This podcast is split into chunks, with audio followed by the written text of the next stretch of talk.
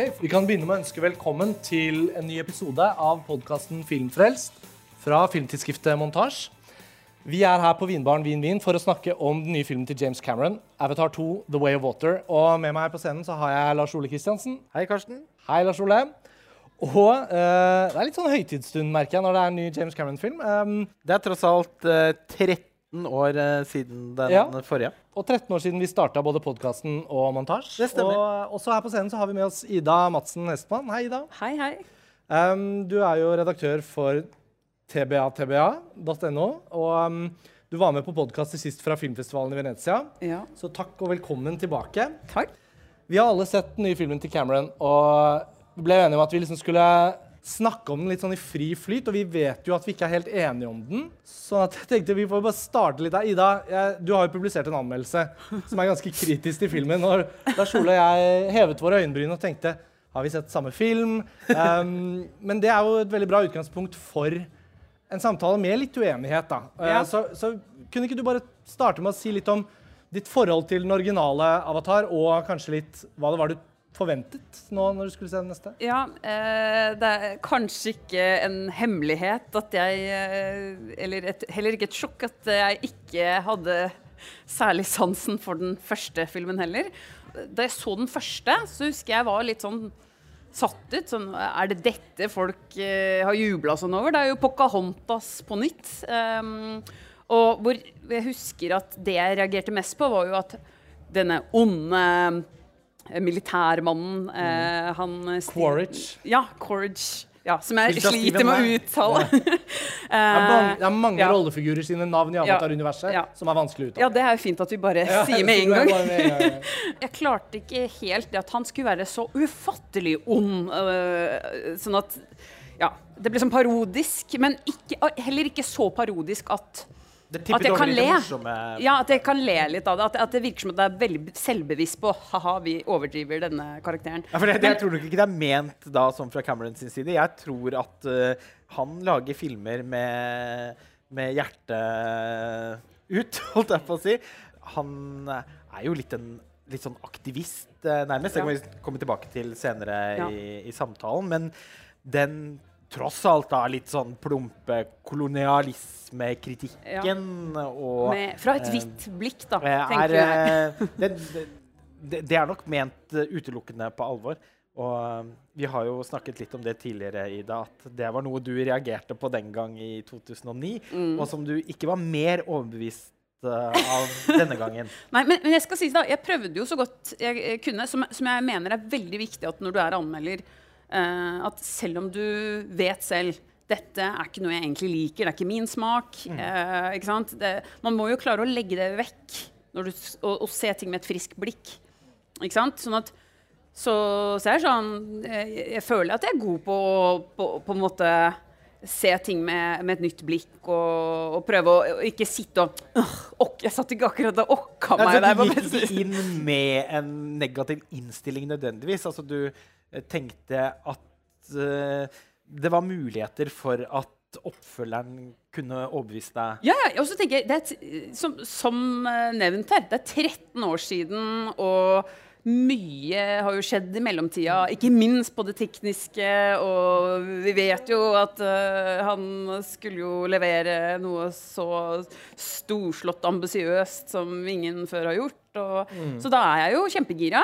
Eh, og, og det skal også sies, jeg er jo veldig opptatt av ny eh, eksperimentering med nye ting. Sånn som jeg tror jeg er litt over gjennomsnittet interessert i f.eks. å se film i 4D. Eh, Det er det ikke mange som er Nei, veldig interessert og da, da har jeg også prøvd å se liksom, filmer jeg vet er litt dårlige, i 4D. Fordi jeg tenker det er kanskje spesiallaget for mer sånn action og, og filmer som kanskje ikke er så interessante. Ja, Altså, i, i innhold. Ja, innhold. Men det kan godt være at 4D-formatet kan Altså et andre format kan gjøre noe med totalopplevelsen. Mm, ja. Det kan gi deg noe annet. Så det, så, så det var jo jeg gira på nå, da. Men for å, da Så ja. samle, liksom, for å samle opp litt sånn kort hvor Avatar har stått nå frem mot toeren, da, Mm. så tenker jeg at det er greit å bare bli enige om at vi Vi ble jo på en måte satt overfor en litt sånn revolusjonær teknisk filmopplevelse i 2009, da den originale Avatar kom. og og jeg husker veldig godt den Pocahontas-kritikken, og jeg husker jo til og med at egentlig ingen hadde tro på filmen. Og da var det jo tolv år siden Cameron hadde laget Titanic. Som heller ingen hadde tro på. James Cameron blir alltid møtt med veldig mye motbør før filmene hans kommer, fordi det går rykter om ekstreme budsjetter og alltid over planlagt budsjett. Ja, Det er alltid den dyreste filmen noensinne Alltid den dyreste filmen noensinne. Tidligere var det også konflikter med studioene. Eh, urimelige krav fra Camerons side, både i forhold til de andre som var produsenter på filmene, Ja, ja. og skuespillerne. Det har jo blitt beskrevet som at det å lage film med James Cameron, det er som å gå i krigen. Og flere skuespillere har også gitt tydelig uttrykk for at ja, det var en opplevelse for livet, men aldri igjen.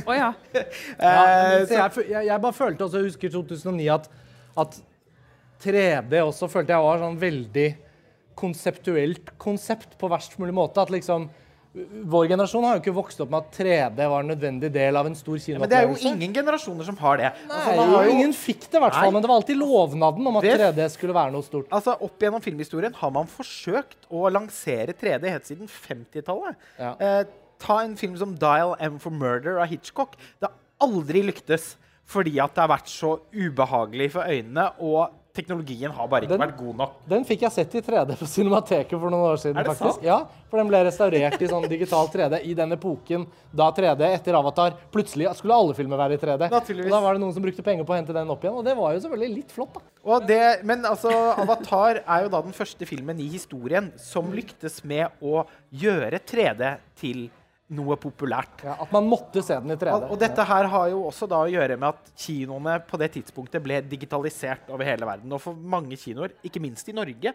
så var Avatar i 2009 eh, den filmen som ga det siste dyttet for at så å si alle kinoer i Norge ble digitalisert. Ja. For å kunne være i stand til å vise Avatar i 3D. Ja. Fordi at man tenkte at de inntektene var man litt avhengig av. Og det er fordi at på samme måte som vi nå befinner oss i en periode like etter en, den mest omfattende pandemien i nyere verdenshistorie, og den største utfordringen verdens kinoer noen gang har stått overfor, så sto man faktisk også overfor eh, en, en ganske stor kinokrise i andre halvdel av 2000-tallet. Fordi da var det ulovlig nedlasting som eh, ble et større og større Ja. problem. Strømmetjenestene var jo ikke i det hele tatt i stand til å Etter hvert i så å si alle land. Ja. Og man var nødt til å ta grep for å sikre at kinofilmen fortsatt skulle være ferskvare over hele verden. Og digitaliseringen av kinoene var den viktigste årsaken til at man lyktes med eh, litt etter litt å få bukt med ulovlig nedlastning. Og Avatar står som en, eh, en byste Ja. fra, fra, fra den tiden, fordi at Avatar var filmen som gjorde at folk ble oppmerksomme at en viss type film bør man uansett utelukkende se på kino. Altså, I og med at det da var en debatt som oppsto i kjølvannet av problemene tilknyttet ulovlig nedlastning. Og dette går tilbake til dette med at det er 13 år siden Avatar, tenker jeg da. At eh, nå som Avatar 2 er på kino og vi skal diskutere den, så føler jeg at en del av poenget er jo nå at Avatar 1 egentlig er en filmhistorisk tittel. Altså Den hadde den revolusjonære effekten du beskriver, Lars Ole. Den ble tidenes mest innbringende film. Den ble slått i en kort periode av Avengers Endgame, før relanseringen av Avatar plasserte den tilbake på toppen igjen. Og nå føler jeg jo liksom at det blir alltid sånn at man snakker mye om kinoteknologi og hele det revolusjonære opplevelsesaspektet ved Avatar. Men så glemmer man litt at James Cameron tross alt er en autør. da. Han er jo en filmkunstner med et veldig tydelig avtrykk. og siden vi så Avatar 2, Lars Ole, og nå har vi jo rukket å se den to ganger før denne episoden, så har vi jo begynt å snakke vel så mye om hvor herlig den er som et sånn oppsummeringsverk av Cameron og hans eh, særtrekk som filmskaper. da. Så jeg tenker jo at vi må passe på Jeg har i hvert fall lyst til å få pratet en del om det òg, fordi jeg blir så rørt av hva det er han holder på med innunder all teknologien. Det er så lett å lage overskrifter på det. Og så syns jeg jo filmen egentlig var vel så imponerende som en familieskildring, som gripende litt sånn actiondrama. Uh, den hadde masse forskjellig tematikk. Jeg vet jo at du er veldig kritisk til en del av tematikken, Ida. i din anmeldelse. Vi får diskutere det litt Ja, nå. etter hvert. Men ja. uh, for meg var det i hvert fall en veldig sånn stor filmopplevelse som jeg håpet og trodde det kom til å bli. Men jeg ble likevel litt sånn et barn i kinosalen igjen. Da. Og jeg tror, for å oppsummere bare den biten av det, så tror jeg det er, hele, det er ganske store generasjoner nå av barn som har sittet under pandemien. Og før det var de kanskje for unge til å se såkalt voksne filmer på kino. Og nå er de liksom 13-14, og så får de Avatar 2, da. Og Marvel har jo liksom tatt hele det blockbuster-markedet i ti år. Og på samme måte som Avatar bidro til å redde kinoene litt i 2009, Ja. så er det forventet Ja. at, den skal, at denne oppfølgeren skal gjøre det igjen. Nå kan man jo si at Top Gun Maverick allerede har bidratt en del, Ja. men eh, verdens kinoer er nok relativt avhengige av at Avatar The Way of Water blir den suksessen. Man forventer at den blir på bakgrunn av den første filmens popularitet og James Camerons litt unike evne til å skape blockbustere som fenger personer over hele verden. For det er ganske viktig å huske på, og det har ofte blitt glemt synes jeg, i samtalen om originalfilmen, fordi Ja. den får ganske mye tyn. Det er mange som For det første er det veldig mange som gjør den det? Jeg føler jo, Sikkert bare fordi jeg har Ja. vært så kritisk til den første og denne, så sitter jo jeg heller helt, helt motsatt. Du føler deg alene? Ja, jeg føler meg veldig alene. Så jeg sitter jo, Det er derfor jeg måtte lete opp eh, andre utenlandske kritikere som er enige med meg. Ja, for Hvem er noen av de som har vært litt harde med denne nye Avatar-filmen ved siden av deg? Britene. Det er jo han Ja, det er britene, i hvert fall.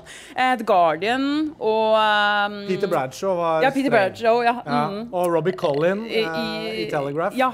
Mm. Han ga den jo én Terningkast stjerne én. og beskrev den som å bli waterboardet med turkis sement i tre timer. Ja, og at det var som en evig lang eh, skjermsparer. Jeg likte jo den. Den er jeg jo litt Men ok, men altså, sånn, nå blir det liksom nå er det nesten sånn at vi bare må dykke ned i vannet, for å si det sånn, og ta et svømmetak inn i plottbeskrivelser. For, for de av lytterne og de her på Vin-Vin som ikke er klar over hva den filmen handler om, så kan vi i hvert fall kort si at vi er tilbake på Pandora. Eh, Jake Sully og Neytiri, hans eh, Navi-kjæreste, som han møter eh, i den første filmen, har nå stiftet familie. Og hele filmen åpner jo med en liten sånn montasje hvor vi ser liksom de ulike barna bli født. De adopterer en datter, og det er et barn fra menneskekolonien, liksom, da, som har på en måte brukt hele barndommen ute med Sully-klanen, og som er som en sånn adoptivsønn, han òg. Han heter Spider. Spider, ja. Og, um, Adoptivdatteren heter Kiri og Ja. er da datteren til eh, Sigourney Weaver sin Ja. forskningsrollefigur fra den første filmen. Litt på, på, et, eh, på måter som ennå ikke har, har blitt forklart. Ja, nei. Så uh, men Ida, skal vi, skal vi gå litt inn i noe av det vi kanskje da er uenige om her, da, først. Altså, Ja. Hvordan syns du f.eks. historien fungerer? Hvis du tenker, Glem teknikken, glem alt det blå, Ja. glem tematikken og sånn. Fortellingen om den familien, oppvekstskildringen av disse tenåringenes liv. Hva. Ja, eller jeg så var det ingenting av det som grep deg? eh? Nei, ja, eller, eller hva skal jeg si Man blir jo litt grepet. eh, Men jeg tror det for meg er, som jeg skrev også, som jeg tror var det jeg fokuserte mest på. fordi når jeg skriver, så sitter jeg jo og prøver å tenke til Ja, hvorfor liker ikke jeg dette når åpenbart så mange andre liker det? Så sitter Ja. jeg jo alltid og kverner ekstra mye da, når jeg har de opplevelsene. Og um, ja, en ting er Jeg tror, tror også det er litt viktig å snakke om dette med teknikken, for jeg føler noen ganger akkurat som at det er litt sånn Jeg kan få litt inntrykk av at noen henger seg litt mye opp i teknikken hvis den er veldig god, sånn som hvis fotoet er veldig godt, Ja. og klippen, og så er handlingen helt elendig, så syns jeg noen ganger at at jeg blir litt sånn Hæ, nei, men handlingen Eller det, karakterene Jeg må tro på disse karakterene, og de må Ja. være De kan ikke være for endimensjonale. Eh, hvis ikke så faller jeg litt av. Um, og det er alltid Det er jo Det må man se film for film. Man kan ikke bare si det, at generelt sånn er eh, Sånn Nei, skal det være, selvfølgelig. Ikke sant? Sånn det vil jo ha ja. veldig altså, tenk, Hvis man ser en skrekkfilm av Dario Argento, da, Mm. så blir det jo ganske meningsløst å begynne å snakke om kvaliteten på dialogen.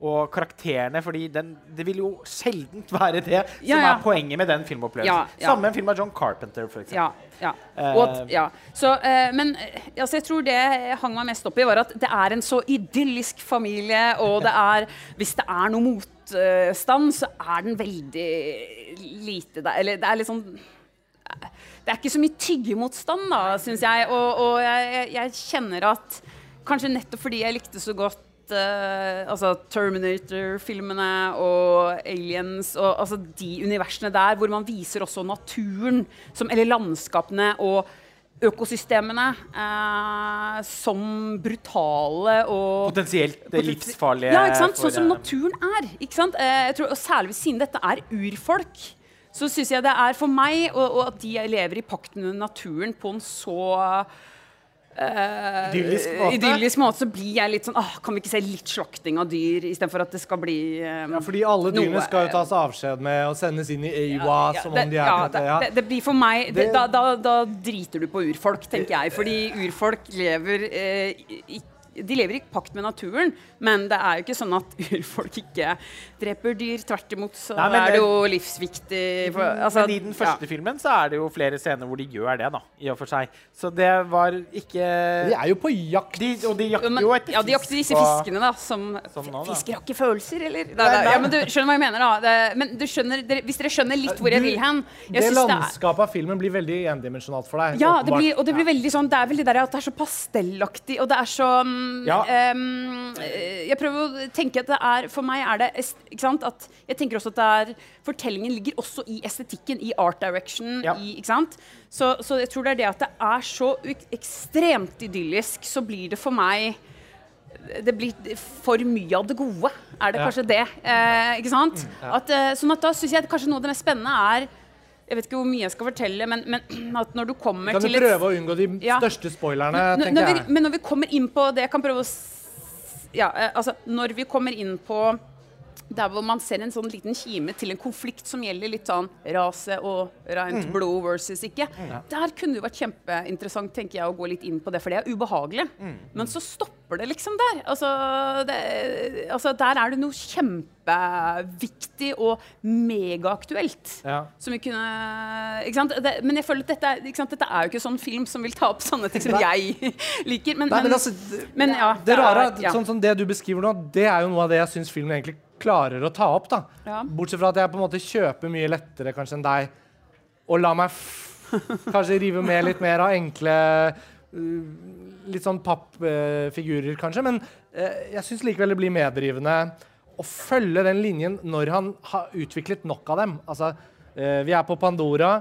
Eh, denne familien må forflytte seg fra sitt hjem til et annet sted for å komme i trygghet. Det er ulike raser av Navi, så vi blir kjent med at de ser ulikt til på hverandre. Der, ja. fram til der så er jeg med. Ja. Liksom. Men så blir det ikke sant? Så derfra blir det noen lange timer, syns jeg, etter hvert. da. Ja, men Nedi Ja. vannet, da. Som kanskje Ja. er det aller beste med hele filmen i min bok. Men Ja. eh, Ja, for det, det vil jeg jo skrevet under på. Men jeg har registrert at det er litt ulike meninger om filmens dramaturgi.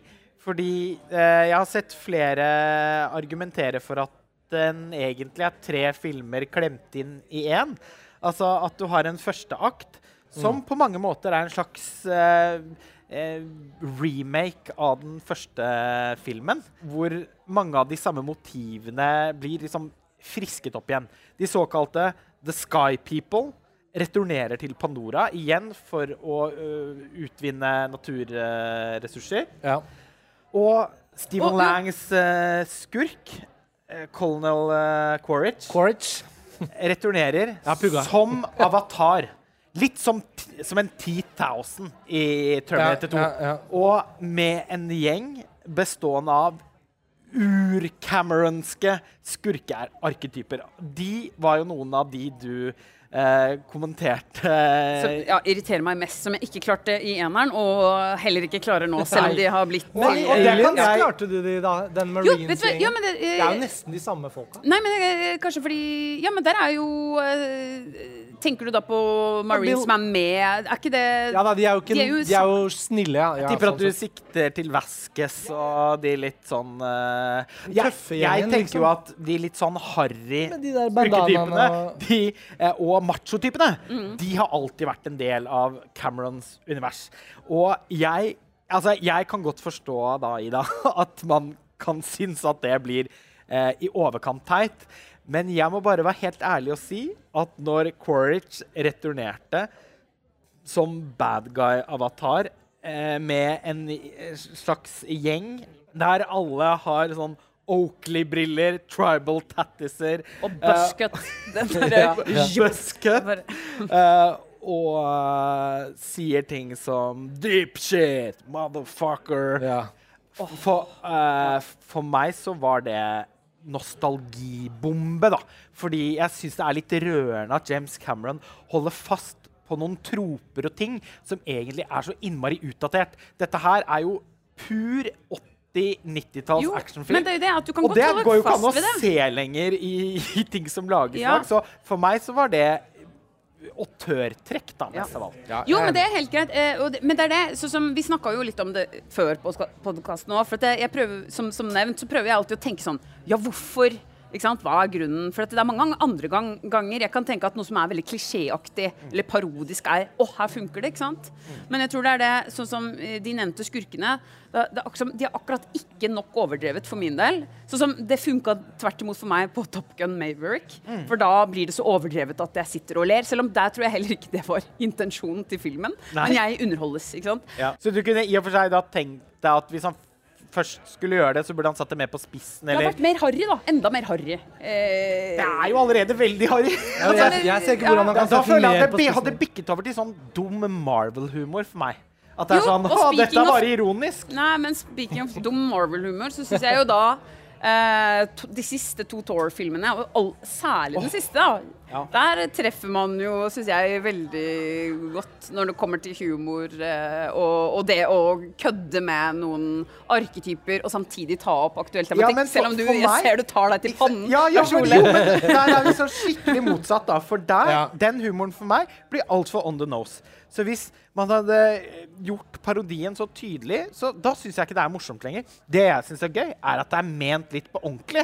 Og da kan man si at det er 10% av le av, men jeg føler òg at James Cameron har humor på dette her. da. Han kan ikke gjøre disse tingene igjen og igjen uten å vite at Ikke minst så har han vel i en årrekke notert seg kritikkene av Ja. de eh, klisjéfulle, endimensjonale arketypene. Når han da fortsetter å insistere på å gjøre det, så tenkte jeg at det er fordi han vil. Ja. Og han ler nok litt, eh, ler litt i eh, skjegget. tror jeg, av det. Og det håper jeg, for jeg tolker jo ikke han som har hu at han har humor overhodet, jeg, da. Nei, Men, men, det er meg, da. det- men Jeg kjenner jo ikke han. Men uh, det er jo sånn jeg tolker alle filmene hans Ja, men som jeg har sett. Og tolker dem som dypt selvhøytidelige og, og, og tar ting på uh, alvor. Uh, men når du sier også det, da altså Jeg er jo veldig opptatt av det at hu, også når man skal prøve å ta noe med glimt i øyet, og, sånn, så er det jo kjempeviktig at man, man også utspiller det. Med, med alvor. Mm. fordi hvis alt skal være spilt, vi kødder, Ja. da, da funker det jo egentlig aldri. Nei. Så vi er vel egentlig ganske enige i akkurat det derre ja, for jeg tror han ikke Ja, jeg, men- tror han er mener humor å Ja. finne i Camerons filmografi. Selv om jeg er helt enig i deg at Mm. i utgangspunktet så er alle filmene hans laget med et stort alvor. Han mener det alltid veldig, og det er mye følelser. Altså En film som Terminator 2 da, er jo egentlig eh, en, en, en Altså På tross av at det er så mange macho-ting i den filmen, og mus det, det som man Ja, ja. eh, Før nå er vel det blitt et utdatert begrep, vil jeg tro. Men i den gamle kjønnsteorien innenfor filmvitenskapen så pleide man å snakke om musculinity som eh, maskuline kvinner. Eh, Ja. Og eh, Linda Hamilton sin rollefigur i Terminator 2. Og Ripley, kanskje? Eller? Ellen Ja, Ripley, Aliens. Altså, dette er jo filmhistorisk veldig viktige kvinnelige actionheltinner. Mm. De filmene eh, og de, altså de valgene, innflytelsesrike valgene som han, som han gjorde der, når han skapte de karakterene og castet eh, skuespillerne, er jo ment veldig på ordentlig. Mm. Så, eh, og Titanic òg, noe av det mest vidunderlige med den filmen, som et melodrama, er jo at den, den kommer sånn fra et Altså, den, den ønsker virkelig å formidle de følelsene eh, holdt på å si med hjertet på rette staden. Eh, Ja. Så man kan si at det er et slags fravær av ironi i Camerons filmografi. Det tenker jeg er en god observasjon. Men jeg, men jeg føler likevel at det er ganske mye humor der. Og det er ofte knytta til sånn macho-greier, i og med at eh, Cameron alltid har identifisert seg som feminist. Eh, og, og så er han eh, klimaaktivist. Ja, det er jo tydelig. Er det tidenes, tidenes mest klimapolitiske blockbuster, i hvert fall? Ja, det det er ikke subtilt. Uh, men, Nei, men, men han- Greta men Thunbergs har- budskap er ikke så subtilt, det heller. da. Hun sier jorden er på vei til å gå til helvete. Vi må gjøre noe med det. Og James Cameron, sier står ved hennes side. ja, hvis ikke vi tar vare på naturen, så er det ille. Også sånn norsk hvalfangst og sånn. Ja, som vi er ikke stolte av, får vi si, men vi, får, vi mener jo litt at at det er vår kultur. Jeg spiser gjerne hval, kan Ja. jeg jo si her Jeg vet at alle i dette eh, panelet er entusiastiske hvalbiffspisere, særlig når vi er i Tromsø. Men aldri har vel hvalfangst virket mindre appetittvekkende enn etter å ha sett Avatar 2. Jeg skal innrømme at jeg kommer til å tenke på det Jeg- jeg noen vel- sekunder Ja. når vi drar Ja. til TIFF i januar, for så å sette tennene i biffen. For veldig store pattedyr fra Pandora som Ja. lever i havet, får en veldig sentral rolle i denne filmen, da. Det må man kan vi si. Men jeg tror det, egentlig det som var poenget mitt med det som sikkert ble en slags digresjon, det var bare å si at eh, det er veldig til tross for at filmene til Cameron utad er så harde og maskuline på en del områder, og ma eller er machoaktige, ja. og at han selv òg er litt en sånn militærdiktator på sett og sånn, det har han i hvert fall rykte på seg for å være, så har filmene hans veldig myke verdier. Ja. Eh, og aldri Ja. har de vært putemykere i da, da enn i Avatar. Og kjenner jeg deg rett, så mistenker jeg at det også er et problem for deg. At det blir litt sånn barnevennlig øh, en, for, en for stor grad av, eh, av hyggelig stemning innad. Altså, det er jo mye dramatikk I lagunen der er det hyggelig en god time av filmen. Og det er en god time av filmen. Ja, men det, ja, det, er, det er eh, Ja, akkurat det du sa. ja. eh, Men kan vi snakke bitte lite grann om opplevelsesestetikken? Altså, jeg føler jeg kommer til å bruke hele juleferien på å si til alle jeg treffer, at de må se Avatar 2 på kino. Ikke nødvendigvis Avatar 2 er en så utrolig film, den må du, men liksom, du må på kino og se denne filmen. For jeg følte virkelig at Like mye egentlig i den første filmen, da, men nå er det denne han har laget, som er ny. Å få oppleve det han har skapt, på en måte. Selv om du ikke likte mye av det, da. Kan du være med på at Ja, det det et han byr på av selve liksom uh, fornøyelsesparkreisen var en opplevelse å ta med seg? Jo. Eh, helt. Ja, men det er sånn det, Jeg tror det er det eh, Sånn jamfør den der eh, tre timers skjermsparer-kritikken til Ja, eh, ja, The ja. Guardian.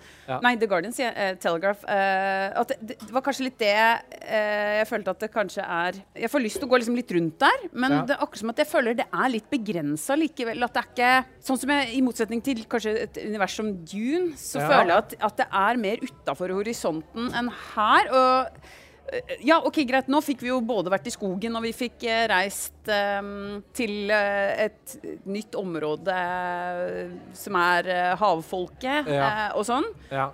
Men, men det er et eller annet der som gjør at jeg føler at det er litt mer begrensa enn uh, altså det, Og det, det er gjennomført, selvfølgelig. Det, det, det er det jo. Men, men ja, det, det er et eller annet jeg ikke får satt fingeren helt på. er Men det er, kanskje det er nettopp det at, at når jeg opplever at det det bare er rom for det rosenrøde, så er det heller ikke Altså, horisonten går ikke lenger enn ditt. Nei. Det går heller ikke lenger, Den går ikke inn i det mørke, og det er liksom et eller annet sånn Nei, jeg skjønner. Det mangler liksom at en slange kommer ned fra treet og biter noen i halsen, og de ja, faller døde om. ja, at Liksom. jeg sitter og opplever at det, dette universet som de lever det idylliske livet sitt i, her er det også nat i naturen selv, Ja. så er det et eller annet her som gjør at man blir minnet på at at her er det også fare for dem, og det kommer ikke bare utenifra. Ikke sant? Nei, og så, så Du savner liksom litt av Ridley Scotts 1492, uh, 'Conquest of Paradise'. Oi! Når spanjolene, når spanjolene går i land på uh, i den første stranden da, i Karibien hvor de ankommer, så tar det jo ikke veldig lang tid før noen dør av et slangebitt momentant. ja, Som biter ja, rett i halsen. Og, eller, det, altså, Jeg sier ikke at man må dø, men, men skjønner nei, men eh, altså, bare er- et element av fare som, som er noe ukontrollert, da. jo, men, Jo, men, og, her, og her møter jo den ene karakteren på en sånn fare også. Men, Ja da. eh, men det er akkurat som Og I den altså- første filmen så er det en del av uvesener ute i skauen der. Ja. Som særlig Jake Sully, da, hovedpersonen, blir nødt til å hanskes med. Som Mm. eh, Men de var veldig fraværende, det er sant. i den Men de, de er mer fraværende i denne, fordi eh, det, det livet under vann skildres nok mer som et paradis da, enn eh, den egentlig ganske farlige skogen i den første filmen. Og i den første filmen er det også tematisert av menneskene, eh, med Quaritch i front, som sier You're not in Kansas anymore. Men Og jo, så sier han og, for, og forklarer at luften på Pandora er giftig. Ja. Eh, den vil drepe et menneske i løpet av sekunder.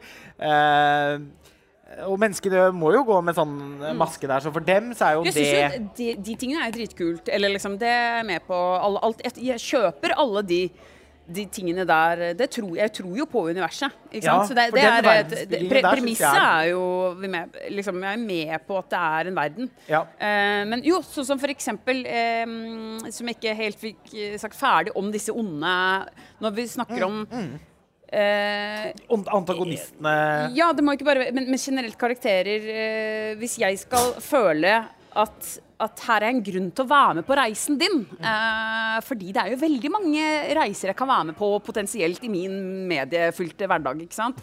Så, ja, men det er jo litt, jeg tror det er litt det også. Jeg tenker på at liksom, Hvis jeg skal bli med eh, Og hvorfor skal jeg da bli introdusert til verden til de onde sky people, eh? Hvorfor skal jeg se så mye fra deres perspektiv?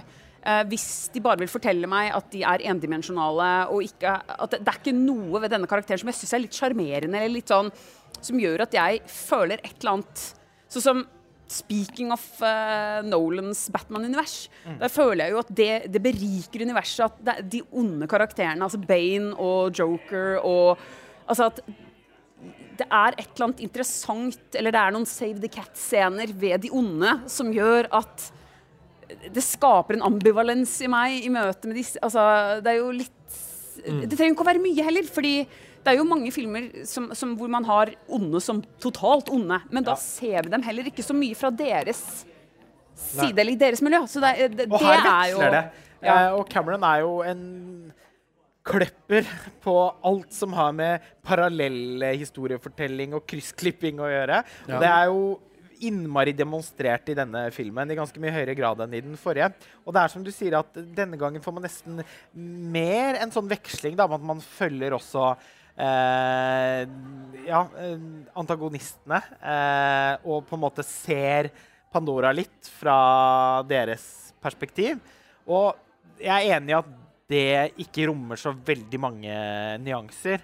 Samtidig så opplever jeg nok at eh, Quaritch eh, og møtet med hans, det som viser seg å være da hans sønn, eh, Spider, er, er en del av en litt sånn Kaino Abel-aktig eh, tematisk diskusjon gjennom filmen. Fordi hoved... Altså, vi har, vi har jo faktisk fortsatt egentlig ikke sagt noe særlig om hva filmen handler om. Jeg begynte å si noe om eh, aktinndelingen i stad, som har vært en kilde til litt kritikk. Men jeg kan kanskje fullføre den tankerekken nå. Jeg nevnte vel at den første akten egentlig er en slags reboot av den første filmen. Og så blir vi eh, i forbindelse med at The Sky People returnerer til Pandora og umiddelbart eh, setter fyr på regnskog. Vi ser at faunaen flakser eh, i, uten å lykkes fra flammehavet. De kommer seg ikke unna. Nei. Alt dette er fortalt eh, på typisk Cameron-vis. Veldig effektivt. Og det blir tydelig at Quaritch ikke bare er en del av eh, administrasjonen hos de som på ny skal utnytte Pandora og, for, og forsøksvis utslette urbefolkningen der, men i tillegg har en personlig vendetta mot eh, Jake Sully. Akkurat det må jeg også si, det er jeg med på. Eller Ja. sånn, Den skjønner det er jo veldig forståelig. Der har jeg mer empati. Ja. ja, men det er ganske tydelig eh, mo- hevnmotiv, da. Og på bakgrunn av det så ønsker ikke Jake Sully og Neytiri eh, at eh, resten av befolkningen i skogen der de bor, skal bli utsatt for de farene som vil bli tilknyttet den personlige vendettaen til Quaritch. For de begynner allerede å gjøre innrykk der, og lykkes nesten med å kidnappe eh, barna til Neytiri og Jake Solly. Og får akkurat med seg Spider, som jo eh, er denne slags Tarzan-skikkelsen, eller Med eller eh, hvis vi skal bruke litt mer elegante filmhistoriske referanser L'enfant sauvage til Truffaut. Ja. Altså For meg var det egentlig et Eller flashback. Mowgli da i Jungelboken. For meg var det bare et flashback til Mad Max 2 med han Boomerang Kid. eh, som kanskje flere enn meg husker som et litt sånt merkelig barnefigurvesen fra en litt sånn drøy film man så på VHS. Um, Spider er eh, 85 Boomerang Kid, frem til han faktisk blir egentlig en ganske velutviklet karakter, Synes jeg. Vi må jo komme tilbake til litt sånn skuespillerprestasjoner og sånn eh, etter hvert. Uh, Vi kan vel være enige om at Spider ikke er, ikke er det beste med filmen, men på en eller annen måte så har også måten han er på, i alle fall for meg, noen forsonende trekk.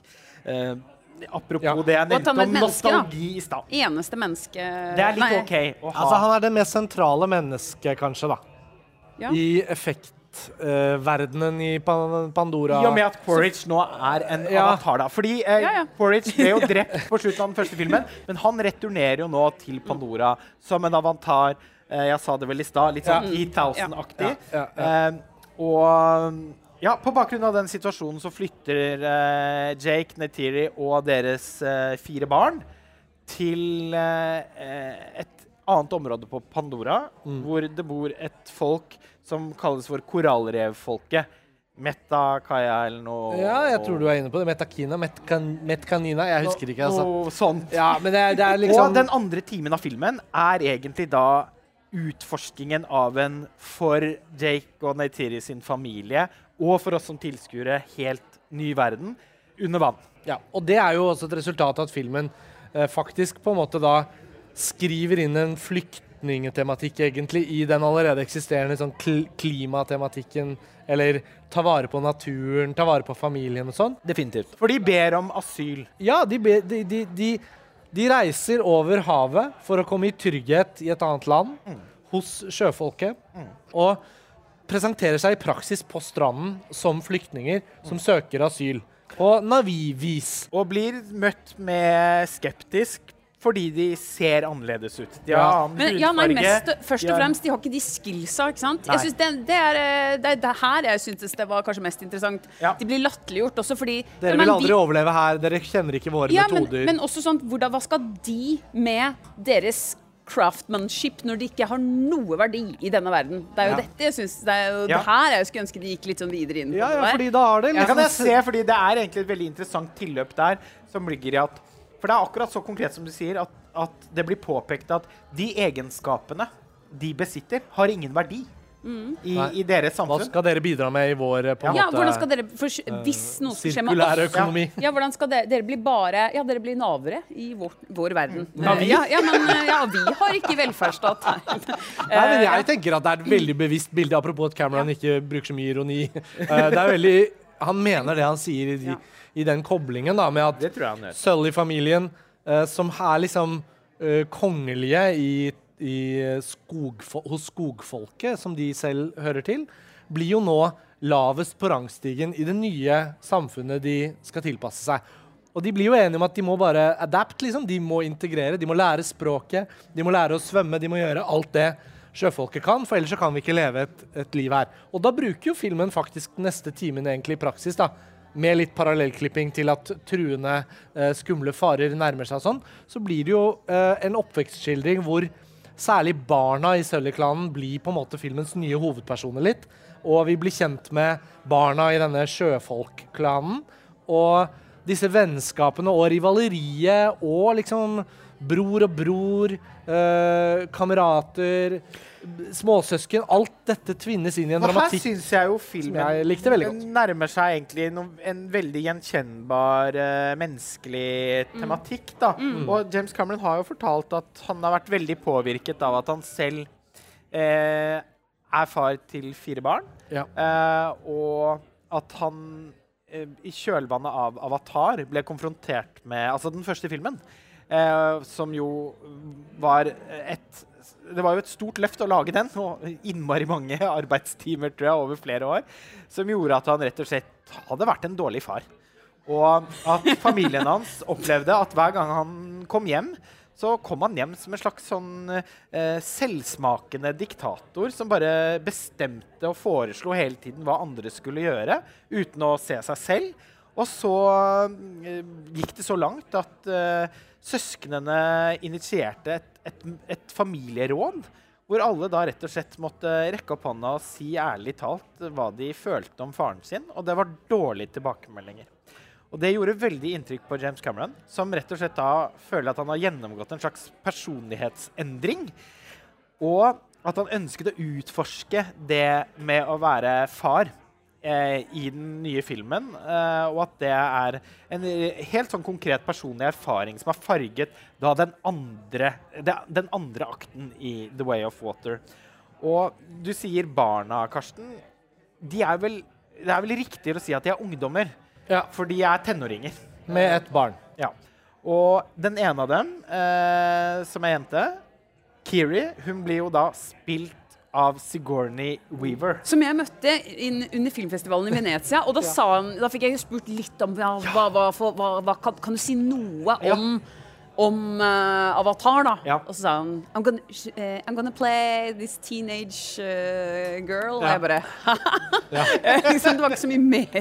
Altså, James. Cameron har jo skapt en teknologi som tydeligvis da gjør at sånn aldersdiskriminering for skuespillere, det kan i visse tilfeller da ta slutt, fordi nå er det fritt i motion capture. Og Sigourney Weaver gjør jo en helt nydelig rolletolkning. Um, Jeg syns jo det egentlig fordi det uh, den er veldig flott spilt, syns jeg, Ja, den figuren. Det jeg er gøy, er Jeg har jo fått med meg at noen reagerte på, på stemmen Mm. hennes. Men så Jeg husker Jeg hadde nesten glemt hvem som spilte i Ja, filmen da jeg ja, skulle gå og se filmen. Og, og så liker jeg egentlig ikke å vite så mye. Jeg liker ikke å vite ting før jeg ser en film. Nei. Jeg liker å bli overrasket. ikke sant? Så, så da husker jeg underveis bare sånn Hæ, hva, hva er det med den stemmen? Og så sånt, underveis så må jeg da snike meg til å sjekke hjem det. Ja, selvfølgelig, det er jo Sigourney Weaver som er hun der, ja. Og så, men, men, men, men før det så hadde ikke jeg jeg tenkt på alderen til Nei. stemmen. Og det er det jeg syns er liksom viktig poeng. Yes. Hun hadde bare en litt sånn interessant stemme. Ja, Og det var det som en stemme som var ja. fylt av litt sånn melankoli. Eh, men da husker, jeg husker den karakteren kanskje bedre pga. stemmen. Ja. Og det er det som jeg syns er liksom viktig. I hvert fall når jeg også, før denne podkasten igjen, snakket så mye om Pinocchio. Eh, altså, ja, men det er stemme... Ja, nå har vi varmet opp ja. litt, vi var inne på det. Ja, Ja. ja, eh, Pinocchio-filmen til Guillermo del Toro, som nå er aktuell på Netflix. Ja, så jeg bare, tenker på siden det er stemmer eh, Det er jo der skuespilleren viser hele seg selv ikke sant? og sin range. Eh, så er det jo så utrolig viktig i en film som dette her. Eh, så For det Ja, gir ja, veldig mye karisma og karakter til rollefigurene. Og jeg, jeg må innrømme at akkurat Jeg syns det er vanskelig å spotte flere av skuespillerne i avatarene i denne filmen. Jeg kan se Steven Lang, Uh, og jeg, kan, jeg klarte ikke å se Kate Winslet. Nei, ikke Eh, det syns jeg nær sagt var helt umulig. Og hun Men- spilte jo også en helt annen stemme. Altså, det var, alt var jo på en måte et, et ukjent gestalt. Ja, så for Winslet-fans som har sett fram til en Comeback, slags åpenbaring eh, i motion capture, tenker jeg justerer ned forventningene litt. Men akkurat Sigourney Weaver, hun så jeg. Og eh, for, altså, det var jo Sigourney Weavers tenåringsansikt. jeg, Hun har ganske sånn tydelig trekk. Mm. Men noe jeg ble litt ordentlig beveget av, det var at da vi så The Master Gardener i Venezia eh, Du var ikke med på podkasten om den, men jeg og Karsten og Pernille var alle ganske avmålte til den filmen. Jeg var bitte litt mer positiv kanskje enn dere andre. mer Ja. positiv. Jeg tror jeg var det i utgangspunktet. Og så, liker jeg han Joel Edgerton jeg Ja. liker så godt. Og så er jeg jo veldig fan, så blir jeg enda mer fan av å intervjue Sigourney Weaver. Jo, ikke fordi- sant? Men hun var ikke liksom- det beste på Men, den men nei, nei, Men det vi, var jo ikke var, det. det vi var Det var, enige om alle var enige om tapeten, var det ikke det? Jo, Den den, var, med- den var ja. kjempekul. Ja. Men eh, noe annet alle var enige om, eh, nesten sånn at man måtte hviske det litt til hverandre, var at Sigourney Weaver var ikke noe god i filmen. Og så oppsto det litt en prat rundt og, Men alle var ekstremt misunnelige på at du skulle møte henne, Ida, pga. aliens i all hovedsak. Eller alien-filmene, da. Men det oppsto en samtale rundt at Sigourney Weaver kanskje egentlig ikke er en så god skuespiller, men at hun har blitt castet veldig riktig noen ganger. Så hun har jo Hun ble jo Oscar-nominert for første gang for Aliens. Og jeg er jo litt opptatt av det. At uh, det, det vil jo alltid være en diskusjon rundt å, hva er den beste Alien-filmen. Er det Ridley Scotts original, eller er det James Camerons oppfølger? Og jeg føler alltid Feinschmeckernes fasitsvar litt er at det er originalen, som jo er mer av en grøsserfilm. Men jeg syns jo eh, den andre filmen er vel så filmhistorisk viktig da, som en actionfilm. Og ikke minst takket være Ellen Ripley tåpelig. Fordi den rollefiguren blir for alvor til i den filmen. Altså I den første er hun en av mange og har ingen av de trekkene som vi i dag Som, som har gjort henne ikonisk. ja, ja, ja, ja. Eh, så det er James Camerons fortjeneste. Eh, Og Sigourney Weaver, åpenbart, da, og deres uh, samarbeid. eh, og det resulterte i hennes ikke eneste, men jeg, jeg tror den andre filmen hun har vært nominert for, er den 'Gorillas in the Mist'. Det er mulig, den har ikke jeg sett. Men hun er ganske god i den 'Working Girl' til eh, Mike Nichols. Hun er også veldig god i 'Death and the Maiden' til Polanski. Ja. Og mange syns jo hun er stor i Ghostbusters og sånn, fordi det er også en film mange er veldig glad i. Aldri Men vært så betydningsfull for meg. Eller så var det litt sånn En liten Eh, eh, Weaver-digresjon. I, I Venezia i år, på bakgrunn av The Master Garder, så var det flere som var litt sånn ja, Sigourney Weaver. Eh, det er lenge siden man kanskje har sett henne i en god rolle. Ja. I hvert fall. Men nå har hun, poenget nå er jo at hun har god i The Way of Water. ja, Altså, og så skal hun fortsette i resten av filmene. Ja, ikke sant? ja, ja. Og så har hun plutselig Det, det jeg syntes var så kult, og da jeg møtte henne, var det der at hun er på en peak. Ja. Som, altså, nå har jeg glemt hvor gammel hun er, men det er jo jeg, jeg Hun er ble- godt opp i 70-årene. ja, men jeg, jeg som kvinne ble liksom boosta av Ja, ja. en samtale med henne om, om at karrieren hennes er bedre enn noensinne. Det er jo liksom Så kult. Ja, at jeg syns det var så kult å, å Det- høre henne prate om det, og at hun også kan snakke om at det var ikke like lett før og altså at, Nei, hun har, ja. jeg tror virkelig hun har hatt noen litt eh, vanskelige år. Ja, ja, ja. Og, Eh, men, og, men takket være de av, Nå skal det jo bli flere Avatar-filmer. Hvor mange gjenstår å se? Det vil bli eh, avgjort på bakgrunn av hvor bra denne filmen kommer til å gjøre det på kino. Praten om våre prospekter eh, med tanke på det kan vi ta til slutt. Men eh, det er lenge siden jeg har sett Sigourney Weaver gjøre en så god rolle. Og jeg ble dypt grepet av hennes take på en tenåring. Altså, det var ble nesten sånn at jeg f fikk klump i halsen en av de første gangene hun snakket Jo, men det var noe så innmari vakkert med ideen her, som jeg føler er å ta en gammel sjel i en ung kropp. Fordi rollefiguren er sånn. Ja. Hun har en kontakt med dette eh, mytologiske eh, treet Eiva. AKA Bestemor Piletre fra Pocantas. Ja. rett og slett. altså, Eiva er vel hele Kunne tillate seg å si at det er. Men Eiva er vel hele planetens organismesjel, Ja, ikke bare for treet. I, I The Way of Water Eh, så er jo Eiva et korallrev. Ja. Eller, eller en, rettere sagt en anemone. Ja, og i Eh, skogen et, mer et tre. Ja. Så Ava er på en måte et, et religiøst uh, nav i navienes verden. Uh, Men- og uh, det viser seg jo at Kiri, Sigourney Weaver sin rollefigur, har en helt spesiell kontakt med Eiva som vi ikke kommer til bunns i i løpet av The Way of Water. Men hun bærer på en eller annen sorg, en eller annen melankoli, hun, eh, som hun ikke finner ut av, og som eh, har forårsaket en slags pågående eksistensiell krise for henne. Og jeg syns det var så innmari vakkert å skildre, fordi det er det mange tilfeller av også i vår virkelige verden.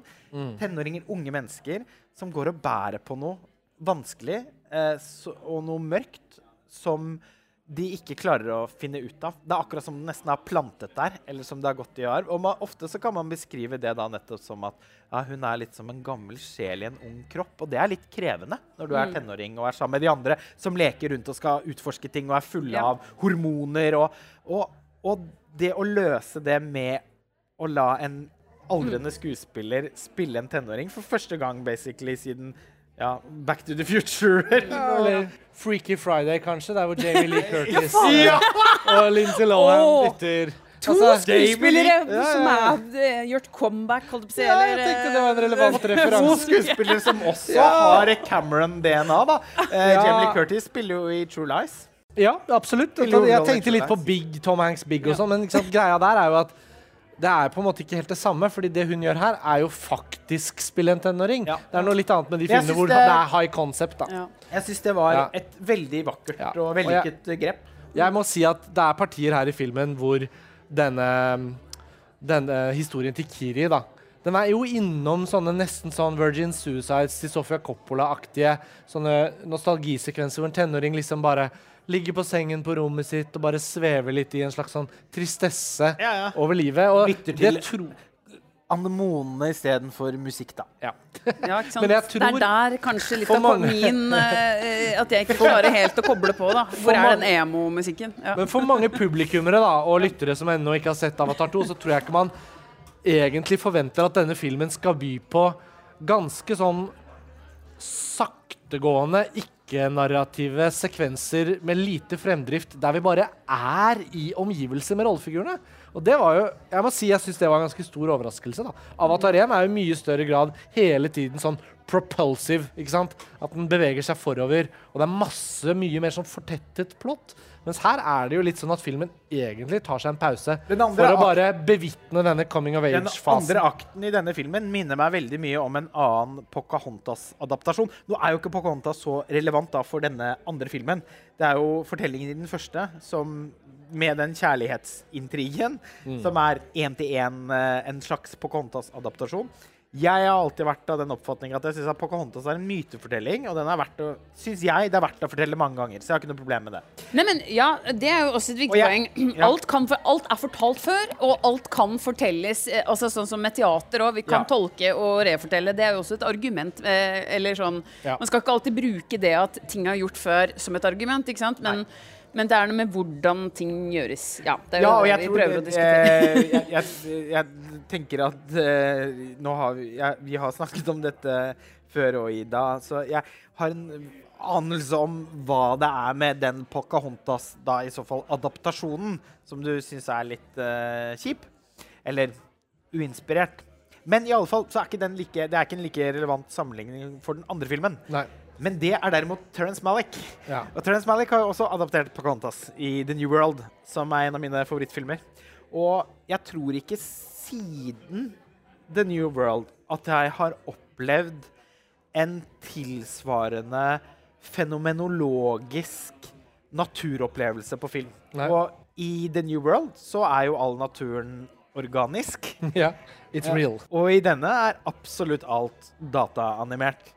Og det James Cameron har klart her, er å løfte nivået for kvaliteten på den animasjonen så himmelropende høyt at det for meg er som at det var ekte. Ja, det er helt fotorealistisk. Ikke, det er fotorealisme i den grad at jeg kunne ikke brydd meg om forskjellen.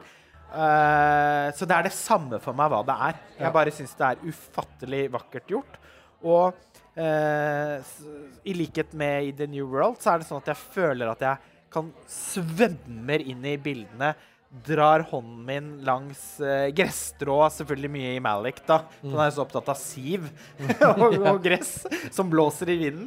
Eh, mens eh, Cameron her da absolutt er mest opptatt av det som foregår enten på vannoverflaten eller under eh, vannet. Men eh, f nå skal jeg gi ordet videre hvert øyeblikk, men jeg har bare lyst til å si at da jeg så filmen for første gang eh, for noen dager siden Jeg fikk ikke sett den på pressevisningen. Eh, jeg var i Chicago, der den utrolig nok eh, hadde senere premiere enn i Europa, så jeg rakk ikke å se filmen før eh, jeg skulle reise hjem, og da hadde den allerede hatt premiere i Norge. Så det var tre dager med veldig sterk fomo for min del, fordi veldig mange av mine nærmeste venner og kolleger var og, var og så filmen. Fomologi.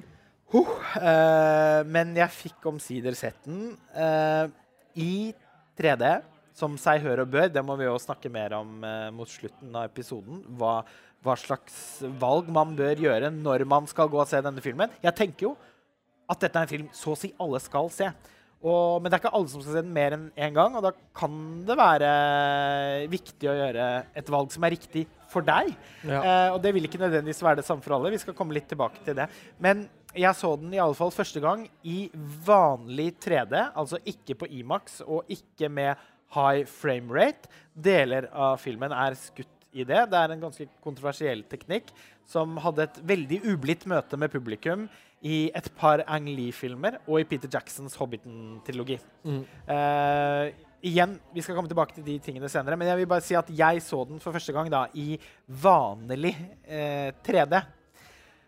Og det var helt fantastisk. Er Jeg skal se den på Imax uh, high frame rate i morgen eh, på Odeon Storo, og ser veldig fram imot det. Men har nesten vanskelig for å forestille meg at det kan bli bedre enn den første visningen min som, så, i vanlig 3D.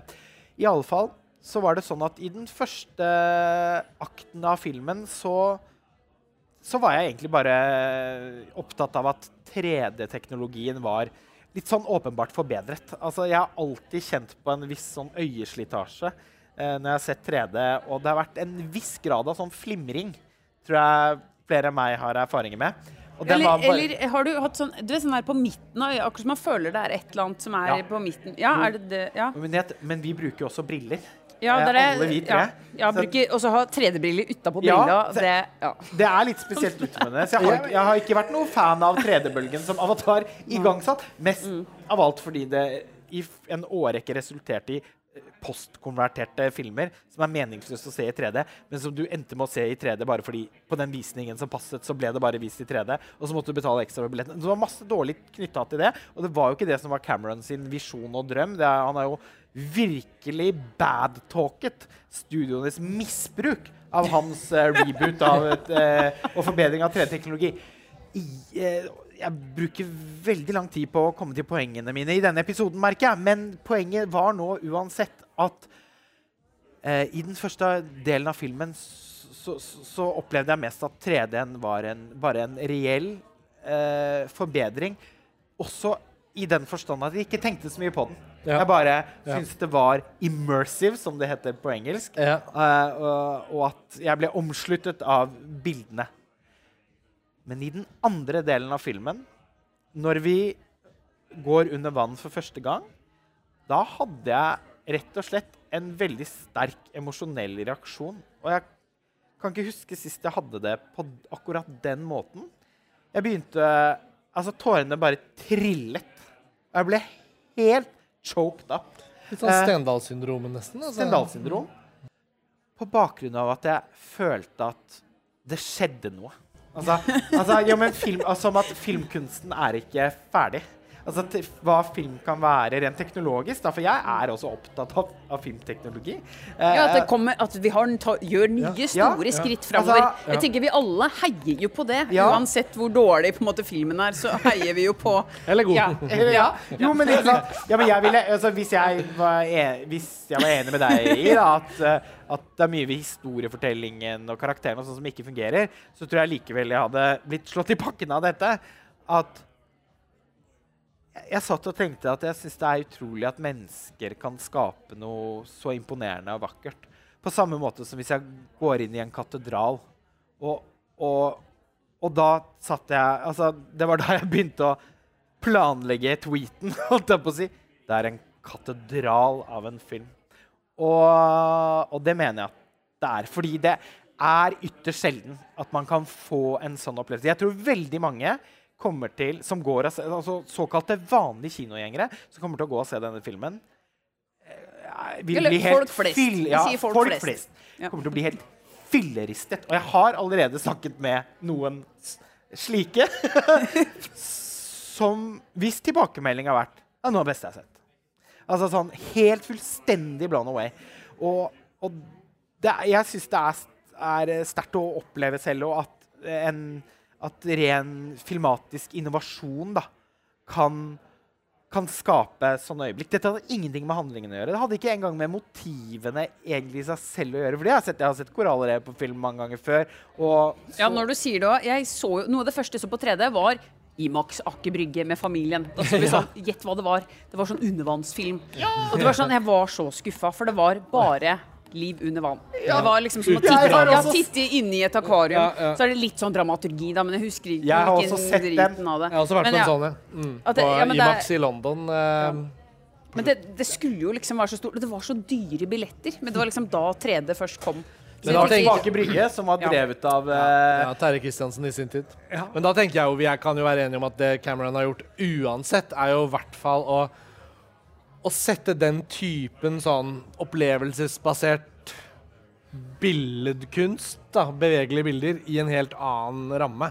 Og jeg syns uh, ja, Nå følte jeg liksom det var jo veldig, Jeg likte resonnementet ditt, Lars Ole. Jeg bare kjente, Var det noen sånn tråder i stad vi slapp litt tak i? Jeg, jeg tror at jeg har nok vært like fortryllet som deg, Lars Ole, av denne kinoopplevelsen. Mm, det har jeg inntrykk av. Uh, men jeg må innrømme at etter hvert som filmen synker inn, så syns jeg nok Selv om det kanskje er det Ida liker minst, da, så tenker jeg jo at da er jo vi på en måte på trygt på hver vår brygge og føler at vi har Flytebrygge. en film vi har kontroll på. Og for meg er den i hvert fall egentlig mer og mer imponerende som Så- altså, På manusnivå.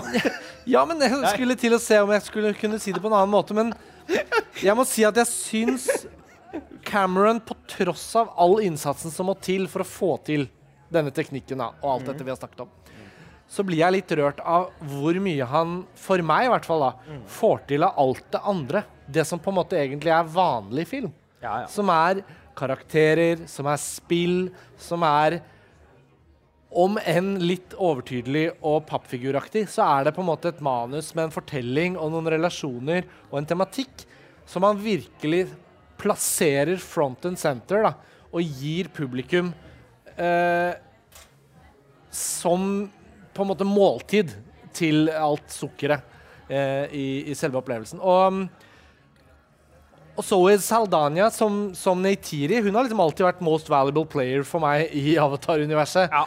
Fordi jeg syns hun spiller så bra eh, at eh, etter den første filmen så husker jeg jeg tenkte sånn men et, I min bok, hvis ikke det var animert og folk liksom ikke tok det som ekte skuespill, så skulle jo det vært en birollenominasjon til Oscar. Fordi det er en sånn rolle du blir nominert for, fordi den er veldig bra. Den er bra skrevet. Den er kanskje vel dramatisk og litt sentimental, for hun får veldig mye å, å være fortvilet over og sånn. Men um, her er hun jo da både kriger og mor.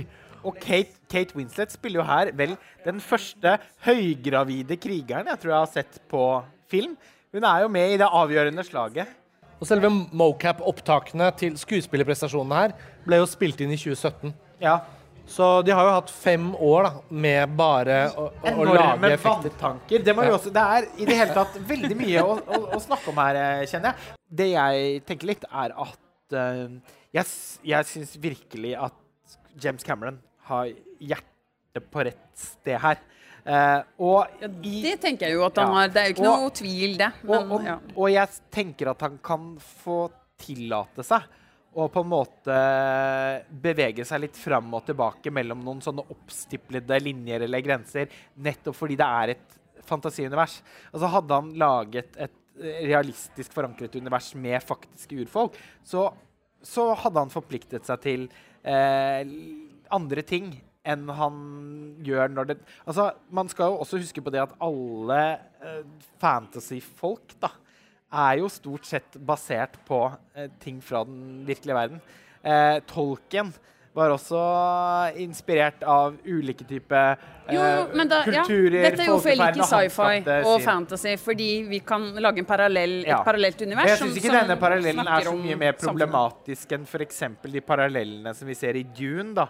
Eh, og eh, den arabiske verden eh, og måten det blir fremstilt på der. Det var jo også mange Nei, som det der er kritiserte det litt flere Altså på hudfarge eller sånn castingmessig der, så er det jo litt Når man er i ørkenverden, så er det jo stort sett Hvis ikke jeg husker feil, latinamerikanere og folk med afrikansk bakgrunn som spiller de karakterene, for det meste. Ikke sant? Men, Men det er jo heller ikke, det jo heller ikke en, én kultur i, i den virkelige Nei, så, så det er en fantasy-konstruksjon, det Mm. også. Og det var jo noen som reagerte på det med, med Dune. Uh, og jeg var ikke blant de som gjorde det, men jeg tenker at uh, Avatar er, kan stå enda friere, da, nettopp fordi at det er dataanimerte fantasifigurer som er blå og turkise. Jeg tenker at det er veldig et, et det ikke veldig er viktig problem. grep da, uh, nettopp for at man skal kunne frigjøre seg fra kategorier som handler om uh, om det Altså Men jo, jeg tror det her det, det, ikke sant, Sånn som jeg skrev i min anmeldelse òg, tror det er litt her jeg synes det, er, det her blir vanskelig, fordi det blir liksom ikke konkret. Man, man skal liksom Ja, vi er, eh, vi er opptatt av urfolk, men når det kommer til eh, dreping av dyr, som urfolk ofte gjør, eller vet ikke om et eneste urfolk som ikke gjør det, eller sånn, Nei, nei. Så, som, som f.eks. er slakting av hval. Nei, Ja. da, å, nei, men da er de eh, vennene med val, venner med hvalene, og da er det, det er de hvite, det er eh, de vestlige som dreper de. Men hvem er de hvite vestlige? De er, en, liksom, de er bare onde, og det er liksom, de er ikke sånn definert, sånn at alle kan liksom ta avstand fra dem, til og med de som er eh, for kapitalismen. Jeg føler det her er liksom De onde er bare liksom kapitalismen i, liksom Ja, for- gjort til liksom figurer. Ja, det det sånn. Men hallo, alle er jo på en eller annen måte inni en slags uh, karusell her sånn, som, som, hvit som ikke, hvor ingen kan gå helt til høyre eller helt til venstre. Eller Hvit eh, kolonialisme og kapitalisme er jo fiendebildet soleklart i både den første og andre Avatar-filmen. Og vi beveger vel oss nå inn på eh. Eller Ja. tulkunen. Jeg Som blir veldig hvis- sånn Politikken, den er her. Den er Ja. Ja, for vi beveger oss nå over i noen farvann der jeg kan ha forståelse for at man syns at dette blir litt too much rent formidlingsmessig. Altså at Cameron klarer på en måte ikke å dy seg for å være insisterende. Men igjen så opplever jeg at det er et autørtrekk for Cameron. Da. Subtilitet er mer eller mindre ikke-eksisterende i hans eh, multivers. Men tror det Eh, her, altså- han blir for moralsk her sånn. jo, men det jeg opplever at han er i alle filmene sine. Altså Teknologiangsten i Terminator 2 for eksempel, og de viftende pekefingrene eh, han eh, koster på seg der, er ikke De er akkurat like plumpe som eh, Men Terminator 2, det- hvalbevaringsaktivismen som vi får se i, i Avatar The Way of Water. Og jeg har jo allerede selv erkjent at jeg med god samvittighet spiser hvalkjøtt. Jo, men altså i, I Norge så er jo det eh, en Og det er ikke fordi at det liksom er en tradisjon, men det er jo faktisk veldig bærekraftig mat. Det er jo utelukkende veldig gamle dyr som blir slaktet, og jeg syns jo det er et fantastisk kjøtt da, som eh, vi i utgangspunktet burde spise mer av. Eh, nå skal jeg ikke ta på Heller meg bytte ut uh, mer sånn uh, industriprodusert kjøtt. Og jeg mener jo det. Eh, jo jeg syns jo vi skal spise mer måten. vilt. Men det er en annen diskusjon. Og Ja. så skal jeg ikke ta på meg selskinnsvesten og bli het Steinar Bastesen eh, fra 90-tallet. Selv om det er mange 90-tallsaktige elementer eh, ved Men er du Hans Bauge som vifter med hvalkjøtt? eh, Fordi vi, vi må dit nå. Hva er det som skjer, eh, Karsten, med en av Jake Sully og Neytiri sine sønner og en hval, eller såkalt tulkun, Ja. som eh, Ja. blir eh, identifisert i den bukta der dette korallrevfolket bor? Ja, altså han eh, Loak er det vel han heter. eh, han eh, nest eldste sønnen da, til eh, Jake Sully. Og litt problembarnet. Ja, han t tester grenser, så får han også veldig sånn Blir behandlet litt for strengt. Han blir litt misforstått, men han oppfører seg også litt uh, Han er ikke noe, det vil jeg bare si. Han er virkelig ikke noe problembarn. Det synes jeg, hvis han fremstilles som det, så da er det mange problembarn her i verden. Ja, Ja, det kan man si, ja. men, jeg, men han blir jo adressert litt sånn av eh, foreldrene, da. Som en som går utenfor uh, rammene de har uh, satt opp. Og, Ja, det han- er jo, og i og med at det blir jaktet på av folk som vil drepe dem, så må de rammene nødvendigvis være litt tydeligere enn f.eks. i et vanlig nabolag der man er ute og leker, da. Han prøver i hvert fall å plassere seg i den tenåringsflokken der ute i korallrevet. Og de lokale guttene, de tenker at nå skal vi spille ham et lite puss. Og så svømmer de ham ut utenfor revet, da. Eh, og der eh, blir det jo litt mer alvor enn inne i lagunen. Så der eh, forlater de ham mens han jakter på noe fisk, og så kommer det da en mer sånn hailignende uh, fisk Yes. for å spise ham. Og han klarer å komme seg unna, men idet han tror han har kommet seg helt unna, så er han nådeløst da bytte for dette rovdyret. Så i det siste sekund så kommer det da et enda større dyr. Og, og litt sånn som i slutten av Jurassic Park, hvor eh, velociraptorene står klare for å hugge til, og så kommer T-rexen tilbake og, og ordner biffen. Og så blir det jo da et uvanlig vennskap mellom denne hvallignende tulkundyret og loak. Og så viser det seg at eh, disse hvallignende dyrene er jo superintelligente. Og Luak har lært seg nok av da øyfolkets språk til å faktisk kunne kommunisere til tulkunen uh, og få uh, en dialog. Og han forstår da også at han er en utstøtt hval fra resten av flokken. Og han har vært involvert i en hendelse hvor mange eh, navier ble drept. Og han er nå utstøtt og regnes som en, en morderhval som ikke er akseptert. Eh, for hvalrasen tulkun, de dreper ikke. Uh, og det, det er da Ida sliter. Ja, Jeg tenker at, jeg tenker at på Cameron er bedre egnet til å fortelle plottet sitt i filmen Ja, enn jeg gjør det som papiret høres jo ikke dette eh, ti av ti ut. Jeg syns også det er morsomt å si ja. ja.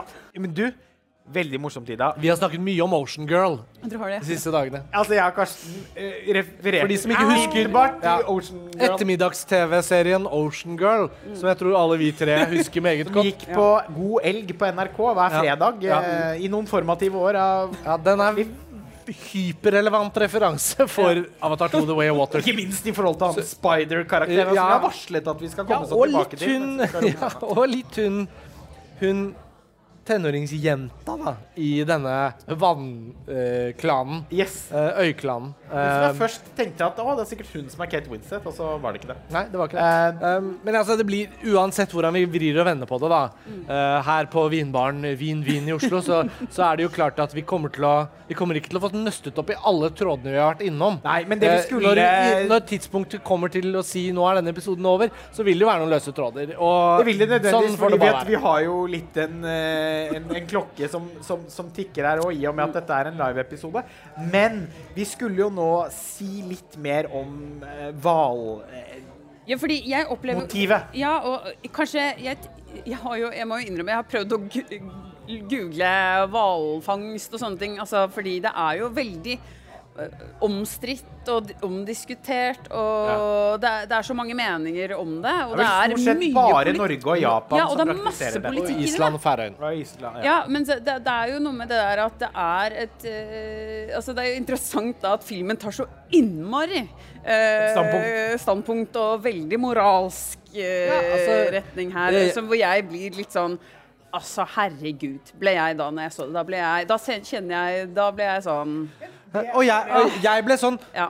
Tar de imot med åpne armer. Gi meg mer! For en utrolig spennende sekvens. Jeg tror vel et argument for å drepe nettopp gamle hvaler, som er litt tilfellet her, det er, eh, det er også fordi gamle hvaler som dør og ligger på bånn, de- det er mye fylt med mye gift og sånne ting. Forurenser, Ja, forurenser. ja. Så det er jo liksom alle disse tingene her da, så, som jeg synes Her skulle jeg ønske at filmen var bare litt bare hakkende litt mer nyansert Ja, det- hva gjelder hvalfangstdebatt. Altså. Det, Det eh, det vil jeg jo i utgangspunktet si meg helt enig i. Og jeg, her må jeg bare si til deg, Ida, som i Avatar I see you.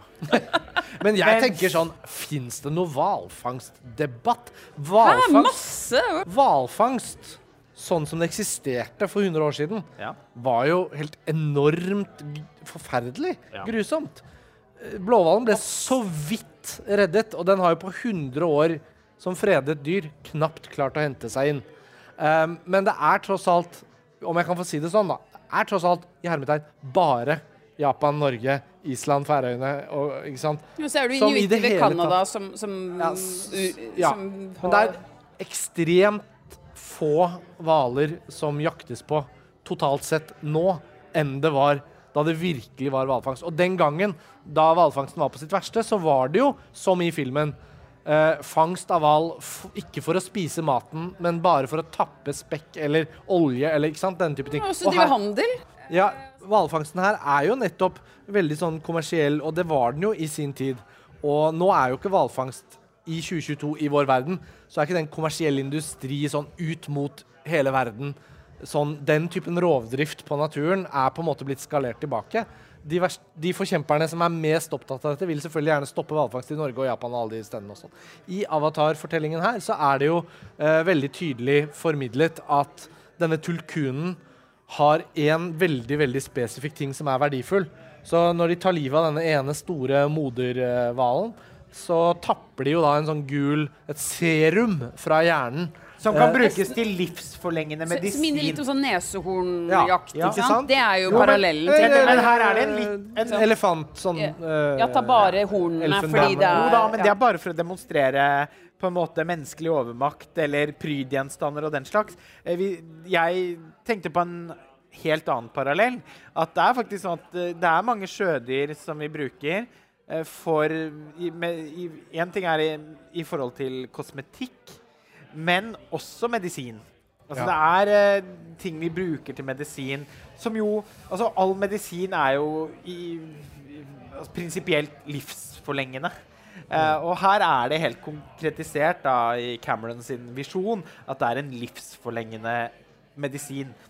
Eh, à la Den hellige gral. Ja, det er evig liv. Ja. Og når han introduserer det konseptet i Avatar 2, så åpner han jo en hel dør for hva slags egentlig fortelling som kan utspille seg over de neste tre filmene. I forholdet mellom menneskenes invasjon på Pandora og øh, Og egentlig om vi kommer til å faktisk få en del av fortellingen på jorden. da. For de sier jo også nå at nå er ikke Pandora bare et sted hvor vi skal komme for å grave et verdifullt mineral.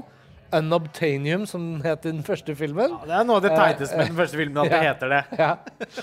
uh, og, og denne gangen så er det eh, forklart av hun generalen, spilt av Idi Falco, at jorden har jo blitt ubeboelig nå. Så nå er det jo på en måte ingen tvil om at Pandora først og fremst er et sted vi skal kolonisere. Så vi har jo ikke bare kommet for å grave etter mineraler, vi er kommet for å bo. Og det blir jo knapt påbegynt i denne The Way of Water-fortellingen. Fordi vi har så mye fokus på Jake Sully og hans familie. Og tross alt så er det jo ikke en spesielt episk film. Den er veldig sånn knyttet til noen spesifikke locations. Og etter at de ankommer dette øysamfunnet, så beveger de seg jo egentlig ikke bortenfor Nei, revet. da zoomer den jo bare inn. Ja. Eh, Så, så har- den er litt sånn lite episk eh, del av denne I tråd med at vi ikke skal snakke så mye om spoilers, og sånn, så skal vi jo heller eh, ikke, Ikke snakke om tredjeakten, kanskje. ta den tredje akten uh, altfor grundig for oss. Men jeg begynte jo å si i stad, Ida, at I see you. Ja, det Men blir det- sagt i denne filmen nå. Mange ganger. Uh, og det er gøy for, for meg og Karsten, som er veldig fans av den første Avatar-filmen, og har dyrket det litt opp gjennom er, årene. er vi blant de Kanskje få på jorden som har brukt avatar-giffer Ja. i årene mellom 2009 og, og Jeg vil si det 2022? fordi Noe av kritikken uh, mot Avatar og skepsisen knyttet til oppfølgeren har vært at å, Avatar ble aldri popkultur. Uh, det ble ikke Men det var men, men, Et av argumentene det er har vært feil. Hva husker du fra Avatar 1? Nei, det er jo at Ja. man, veldig mange ikke husker Memorial. Ikke husker. Her kommer Idas eh, klønete engelske. Eh, minneverdige øyeblikk eh, eller sekvenser, som, gjorde, som jeg tenker mer og mer over i dag. Da, hvor også Hvor det også det skal sies, det, altså det er så vanskelig å skape minneverdige øyeblikk som setter seg, fordi vi blir så overlessa med innhold på, på både film- og TV-fronten at, Ja, ja. at, at ting raser eh, fort videre. ikke sant? Etter, Så det er jo det òg. Det er viktig å ta med Og etter 10-15 år med Marvel-filmer som eh, flyter fullstendig over i hverandre, og hvor jeg etter hvert full, bare helt har gitt opp å sette meg inn i hva slags historier og karakterer dette her er for noe. Regissøren har ikke noe særpreg. Alt, det er virkelig ja, det ytterste eksempelet i det vår det tid på en samlebåndsaktig produksjon. Ja, jeg vet Ja. at du mener altså, Taika Waititi sine Ja. filmer er et unntak. Jeg er enig, Ja. han har noen trekk. Jeg misliker han veldig sterkt, men det er greit. jeg, kan, jeg kan ikke si at jeg syns de er så spesielt gode, de Nei, men, men, Thor-filmene. men, men det er noe så. Eh, Men, men eh, eh, Ja, det skal mye til å, å sette av et avtrykk i dag.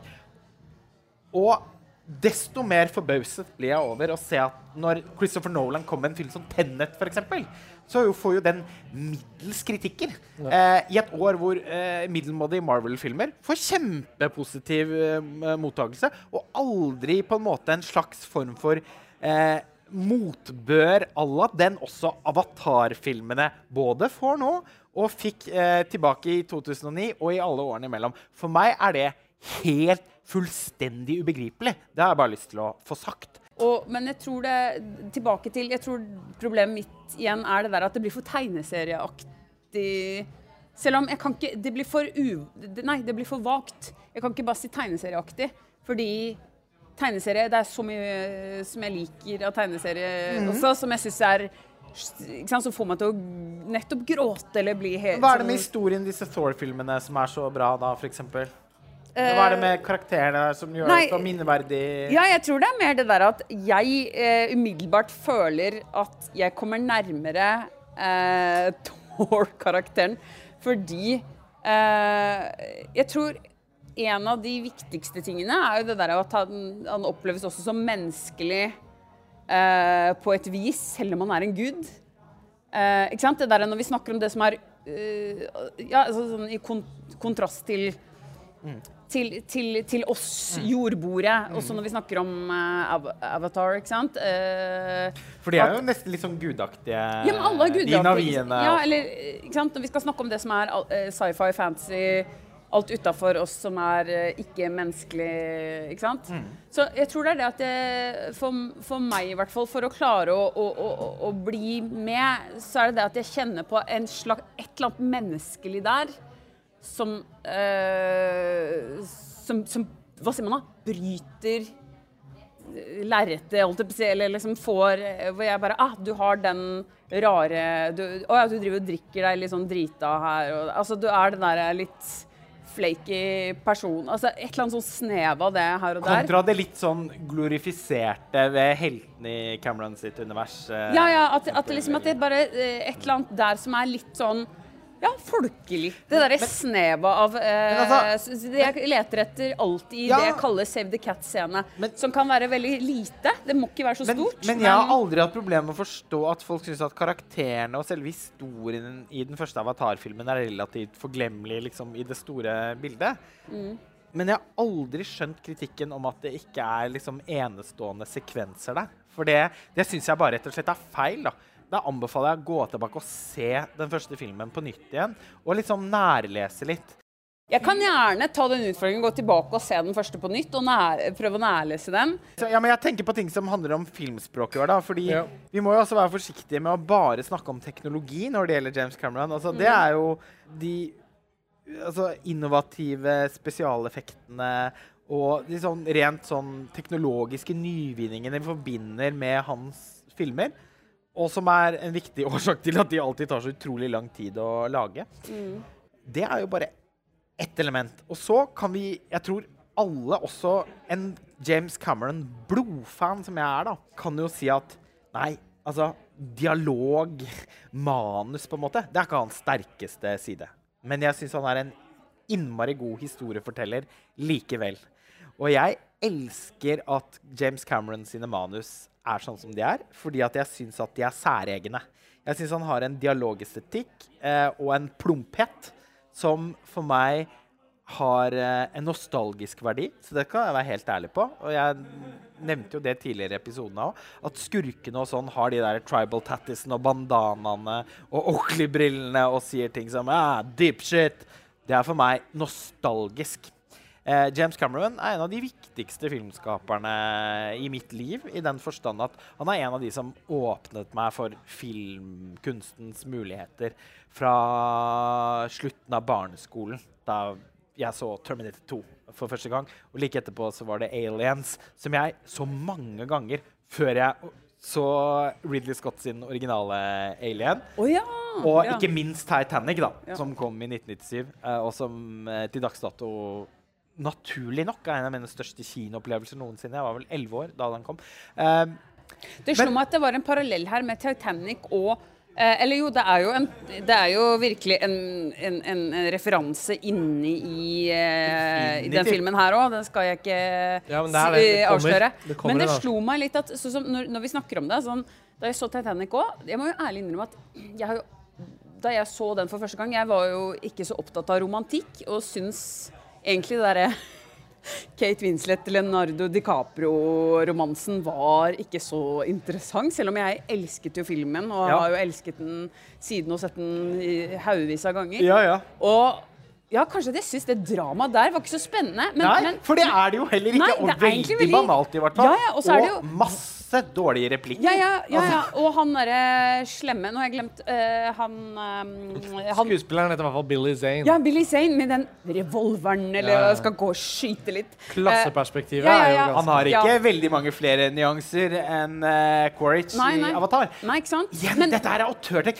Men det er Titanic er jo også en totalt Men her- uh, gjen, Altså, det er jo Romeo og Julie. Ja.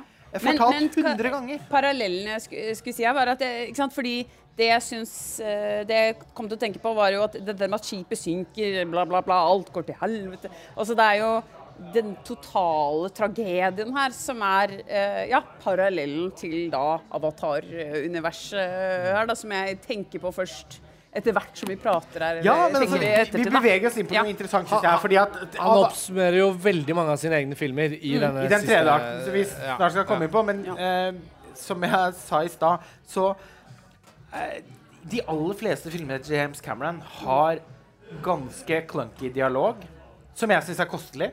Og det, kanskje er det bare nostalgi. Det vet jeg ikke. Men jeg liker det i hvert fall. Og jeg syns jeg har særpreg. Eh, historiene er ofte veldig sånn funksjonelt, effektivt, medrivende, men ikke spesielt nyansert fortalt. Og Titanic er egentlig det reneste eksempelet på det. Fordi det er et skikkelig, en ordentlig sviske av et melodrama. På samme måte som du kan si at Avatar er Pocahontas som en, så er det en Romeo og Julie på nytt igjen. Og eh, for meg, det er en historie det er verdt å fortelle flere ganger. Eh, og som selvfølgelig er gjort i uendelig mange versjoner. Men det er ingenting ved det spesifikke dramaet i Titanic som gjør den noe bedre enn så innmari mange andre versjoner. Det handler om helt andre ting. Det handler om kjemien mellom skuespillerne, Leonardo DiCaprio og Kate Winslet, og James Cameron sin instruksjon av de. Han, det at de to ble en match i den filmen, skapte en helt sånn utrolig energi, syns jeg i hvert fall. Tror jeg veldig mange andre også syns. Og så er det filmskapingen. filmskapingen. Filmspråket, klippingen, kameraarbeidet, måten han klarer å iscenesette sekvenser på, Mm. måten han gjør action på For Titanic er også til dels en actionfilm i den andre halvdelen.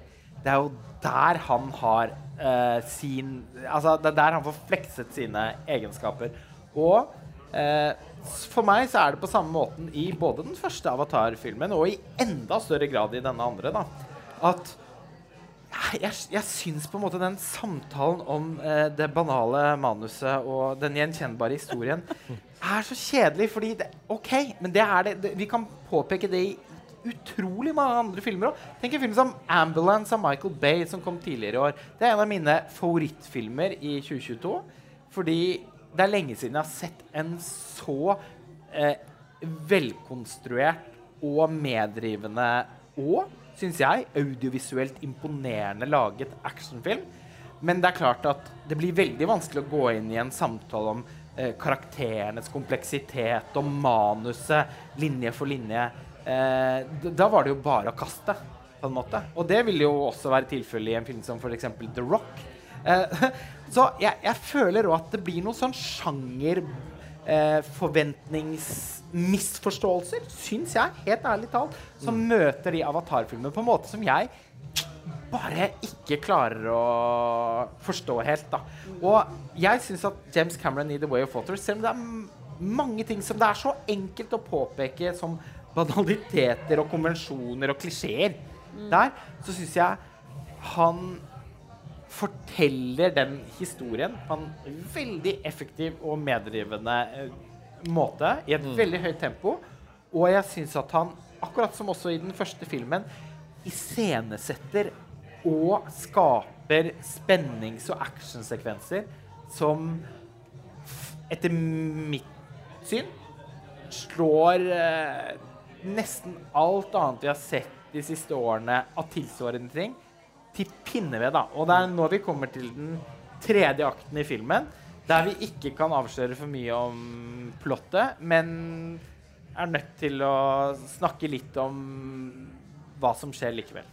Ja, altså jeg tenker eh, Tredje akten i filmen markerer jo også siste akten i podkasten. Vi har jo holdt på en stund her nå. Og jeg tenker at uh, uten å avsløre for mye, så føler Nå er det jo ikke noe hemmelighet at jeg elsket denne filmen. Altså Jeg syns den var helt fantastisk. Og dermed er det jo selvfølgelig vanskelig å være sånn kjempenyansert og, og, og What about this, what about that-aktig. Fordi jeg syns jo den tredje akten ble en veldig sånn emosjonell uh, actionsekvens. For det er jo det den er. Uh, det settes i gang en hendelse som samler det store dramaet. Litt sånn som vi forventer, og som alltid skjer i denne typen filmer. Sånn sett gjenoppfinner han på ingen måte liksom Hva skal vi si? Treaktstrukturen, eller eh, hva vi er vant med at en sånn film utvikler seg til å bli. da. Men jeg syns de karakterene, i hvert fall jeg, ble veldig grepet av og engasjert i underveis, får veldig sånn eh, Liksom velgjennomførte skjebner, da. Og i det der action symfoniske som Cameron har levert på før, og leverer på igjen, så syns jeg det var litt sånn overraskende bra gjennomført at han holdt en sånn konsentrert parallellhandling gående som egentlig hele tiden var drevet av det emosjonelle. da. Av en far som skal lete etter et barn, av eh, en sønn som skal finne en altså sånn, Og at det er noe som samler hele filmens ulike tråder på en vellykket måte. Superkonvensjonelt, fordi det er jo sånn Cameron bygger opp fortellingene sine.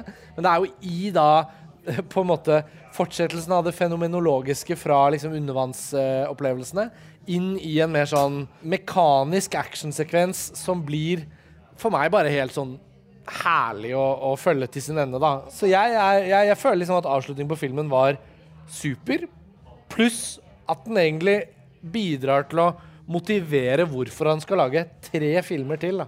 Oh, ja. det, er det Men- noe jeg skal si helt ærlig hva jeg syns?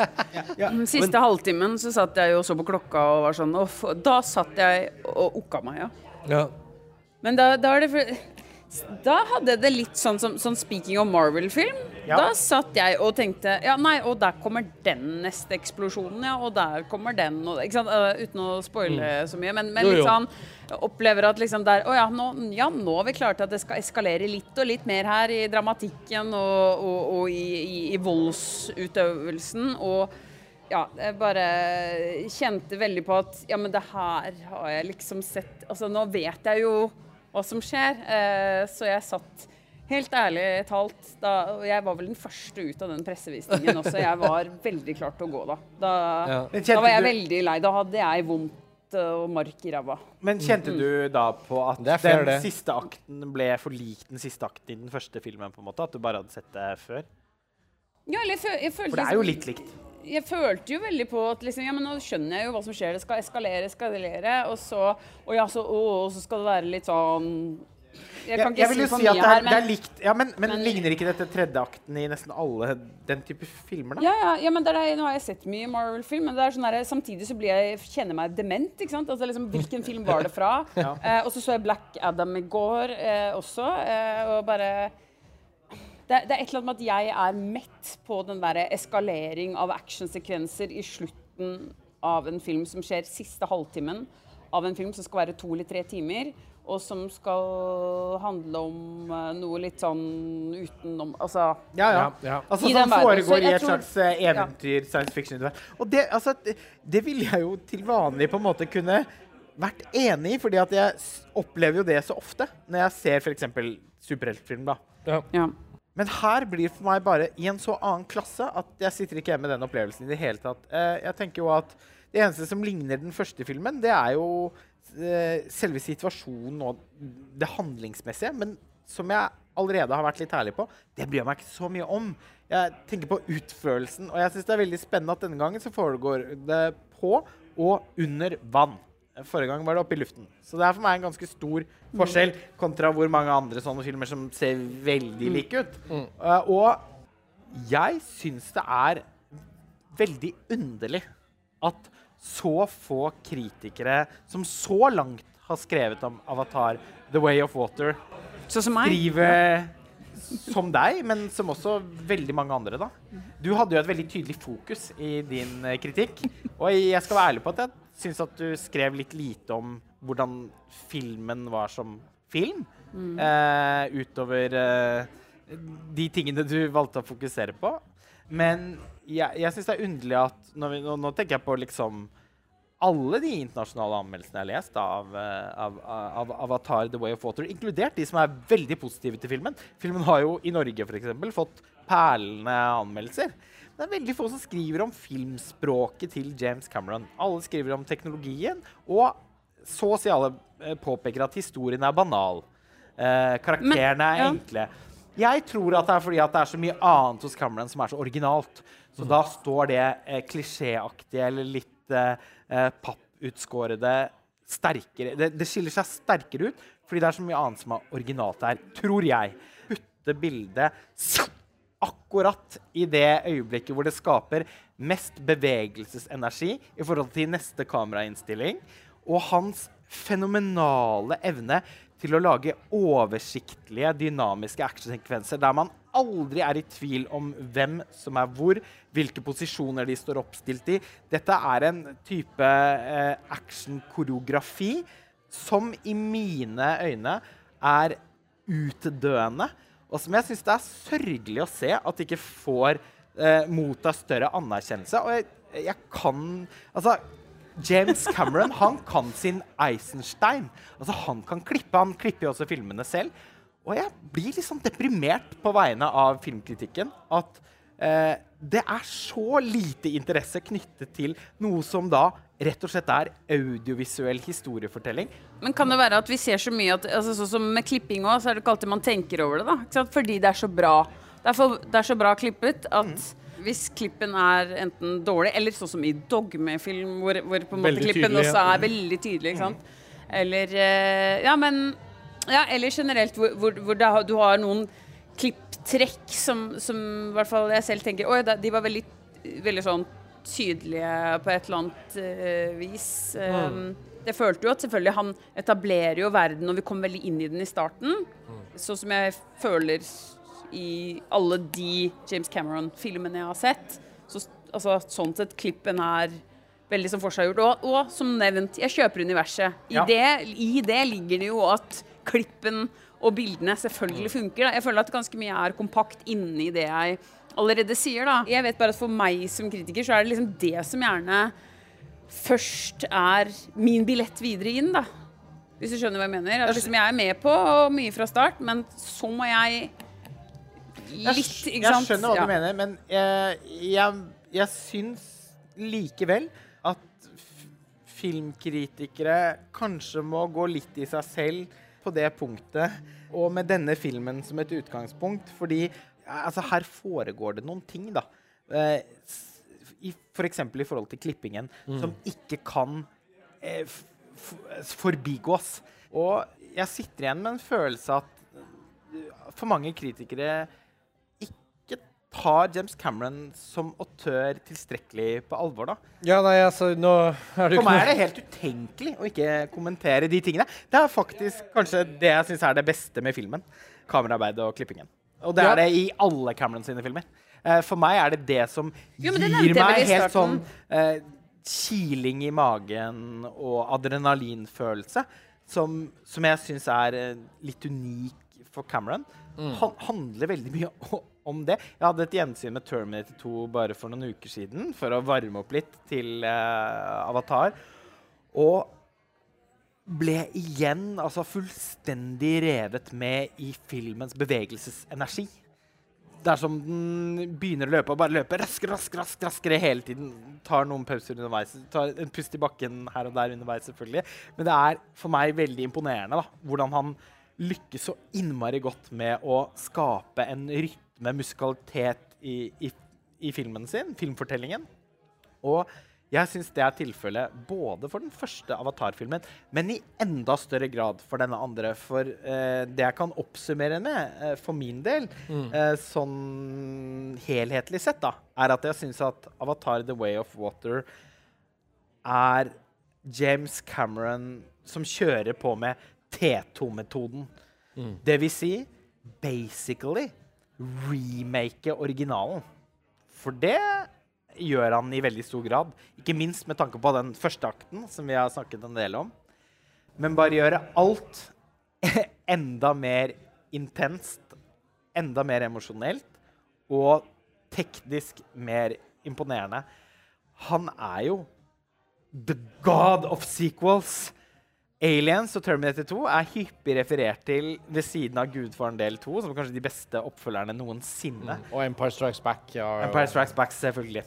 Eh, og det er nok noen andre også eh, som vi ikke eh, Husker i farten. husker i farten men, men det er en, en saying, da.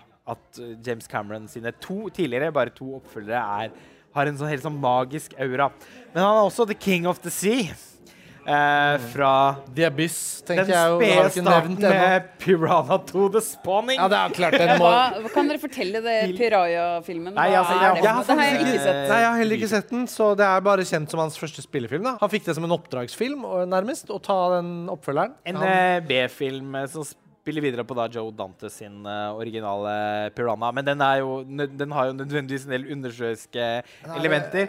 Eh, Er det 'Escape from New York' eller noe sånt, hvor Cameron var ansatt som sånn matte painter? Eller han, han, han jobbet jo mye i filmbransjen før han fikk sin første gig som regissør. ja, og han er, jo, og han er jo også canadier. Det er Mm. i og for seg viktig å påpeke at uh, han er amerikansk filmskaper, men Mm. ikke fra USA. Nei.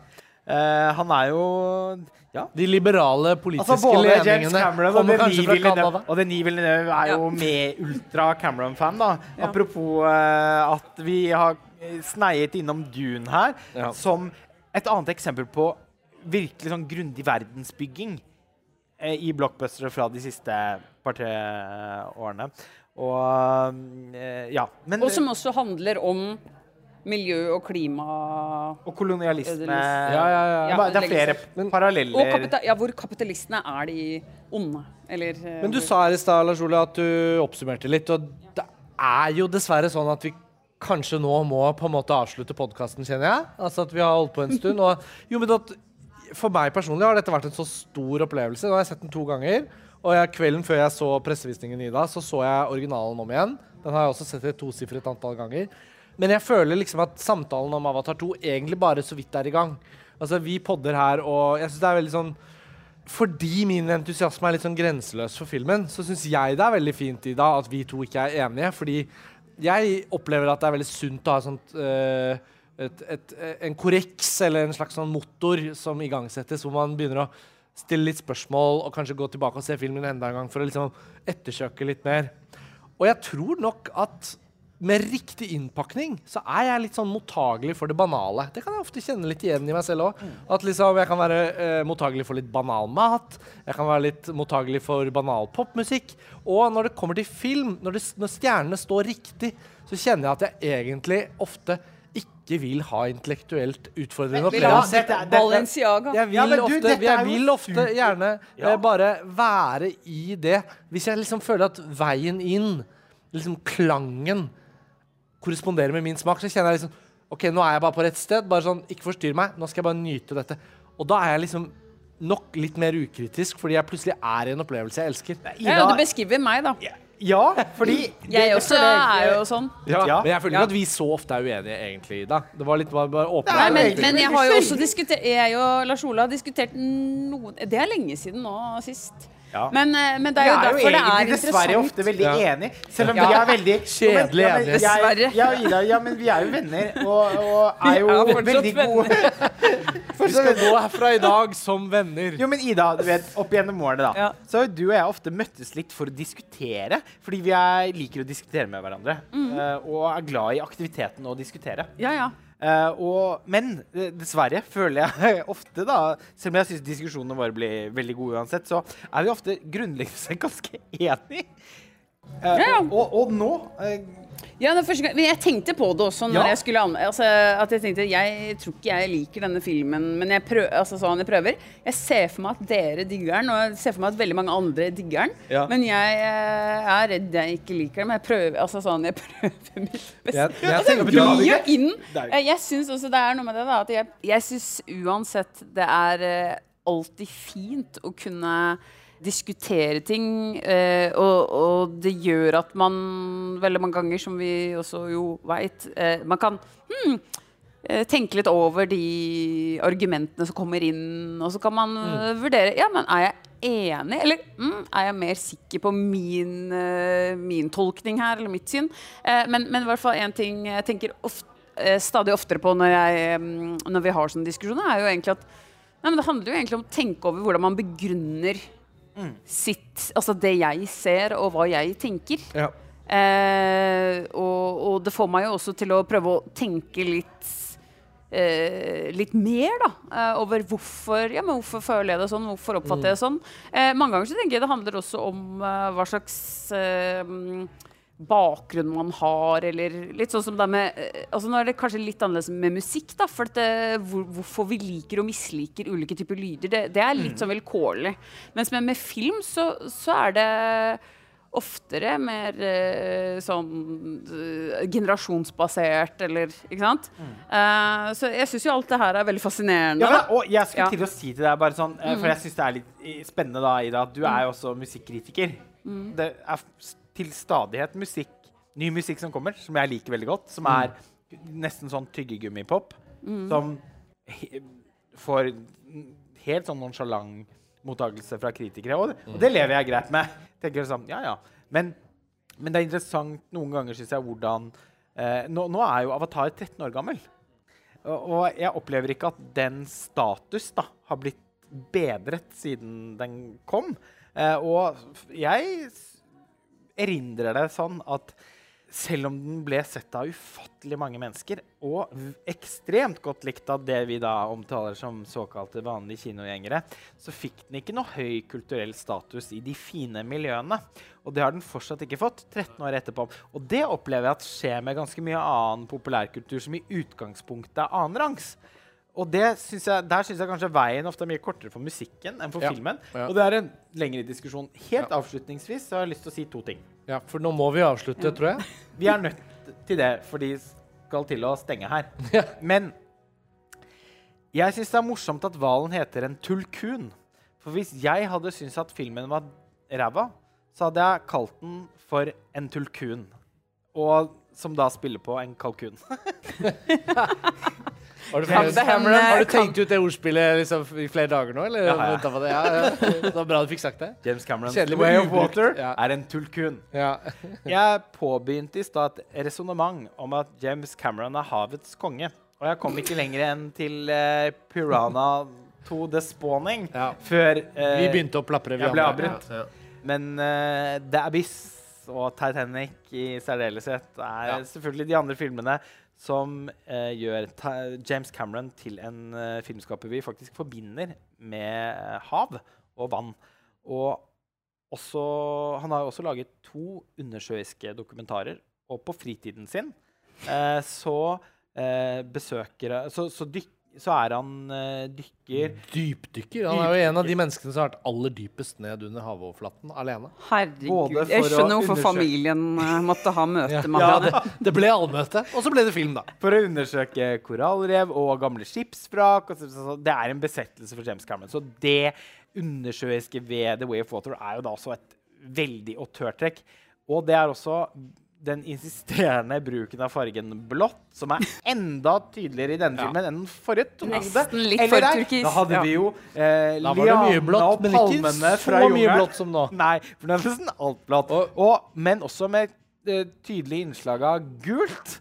Eh, fordi eh, det er en eh, fast del av Camerons estetikk. Eh, mye blått, men med en del gule innslag. Det ser vi både i Aliens, i The Abyss, i Terminator 2 eh, og, og i den første Avatar-filmen, og enda mer i den andre. Det svenske flagget burde appellere til eh, James Cameron. Og jeg syns at den siste timen av denne filmen og jeg har allerede sagt at jeg syns at uh, den andre halvdelen er uh, Terence Malick av ti. eh, som en fenomenologisk opplevelse jeg har nesten ikke opplevd maken til. Men den siste delen av filmen syns jeg altså er et actionmesterverk eh, av et kaliber som Jeg kan nesten ikke Jeg kan ikke huske sist. Jeg så, og, og i år har det jo faktisk vært eh, Altså Ambulance da, til Michael Bay var jo Det føltes jo Og Top Gun Maverick i scene hvor når den er actionfilm, så var det som å få Tony Scott tilbake. Og eh, Ambulance var kanskje mest med å få Michael Bay tilbake. Ja. Men også tross alt litt Tony Scott tilbake fordi at han er så inspirert av Tony Scott. Ja. Uh, The Rock fortsatt. Uh, Og litt sånn. Unstoppable Speed, John the Bont. Det var litt sånn den. Så eh, nei, altså så, så, så jeg må jo ta meg i det. Det er jo ikke så lenge siden sist. Altså, nei. Altså, egentlig så er 2022 det første året på lenge Ja. hvor jeg har opplevd at eh, den actionfilmen som jeg vokste opp med å elske å dyrke, har returnert. Og det eh, når sin senit i den siste tredjedelen av Avatar The Way of Water. Og jeg syns at filmen er helt enorm. Ja. Vi gjør jo den tradisjonsrike årslistepodkasten vår i januar, hvor vi eh, diskuterer de beste filmene fra året som gikk. Og jeg spår vel at vi skal returnere til en prat om Avatar 2 The Way of Water i denne episoden. Og da kan det jo hende at noen av de tingene vi har nå både behandlet litt og litt plantet og begynt på, kanskje kan fullføres og reflekteres over mer. Takk, Ida, for at du ble med på denne live-podkasten om Avatar 2 The Way of Water. Lars Ole, vi høres jo straks igjen i en ny episode. Det nærmer seg jul også. Og til dere lyttere der ute så vet vi at uh, snart 200 000 nordmenn har jo sett denne filmen allerede. Så vi håper og tror at dere har noen tilbakemeldinger og tanker om filmen som dere vil dele med oss. Også. Noe vi glemte å si, var hvilken versjon man skal velge å se. Ja, jeg personlig har jo da både hatt gleden av å se Imax 3D eh, HFR-versjonen, high frame rate, og sett filmen i 2D. Jeg eh, tenker at high frame rate må man ikke se.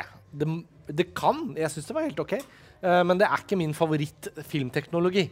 Sånn at jeg tenker at 3D bør man se, og 2D fungerer fint for gjensyn.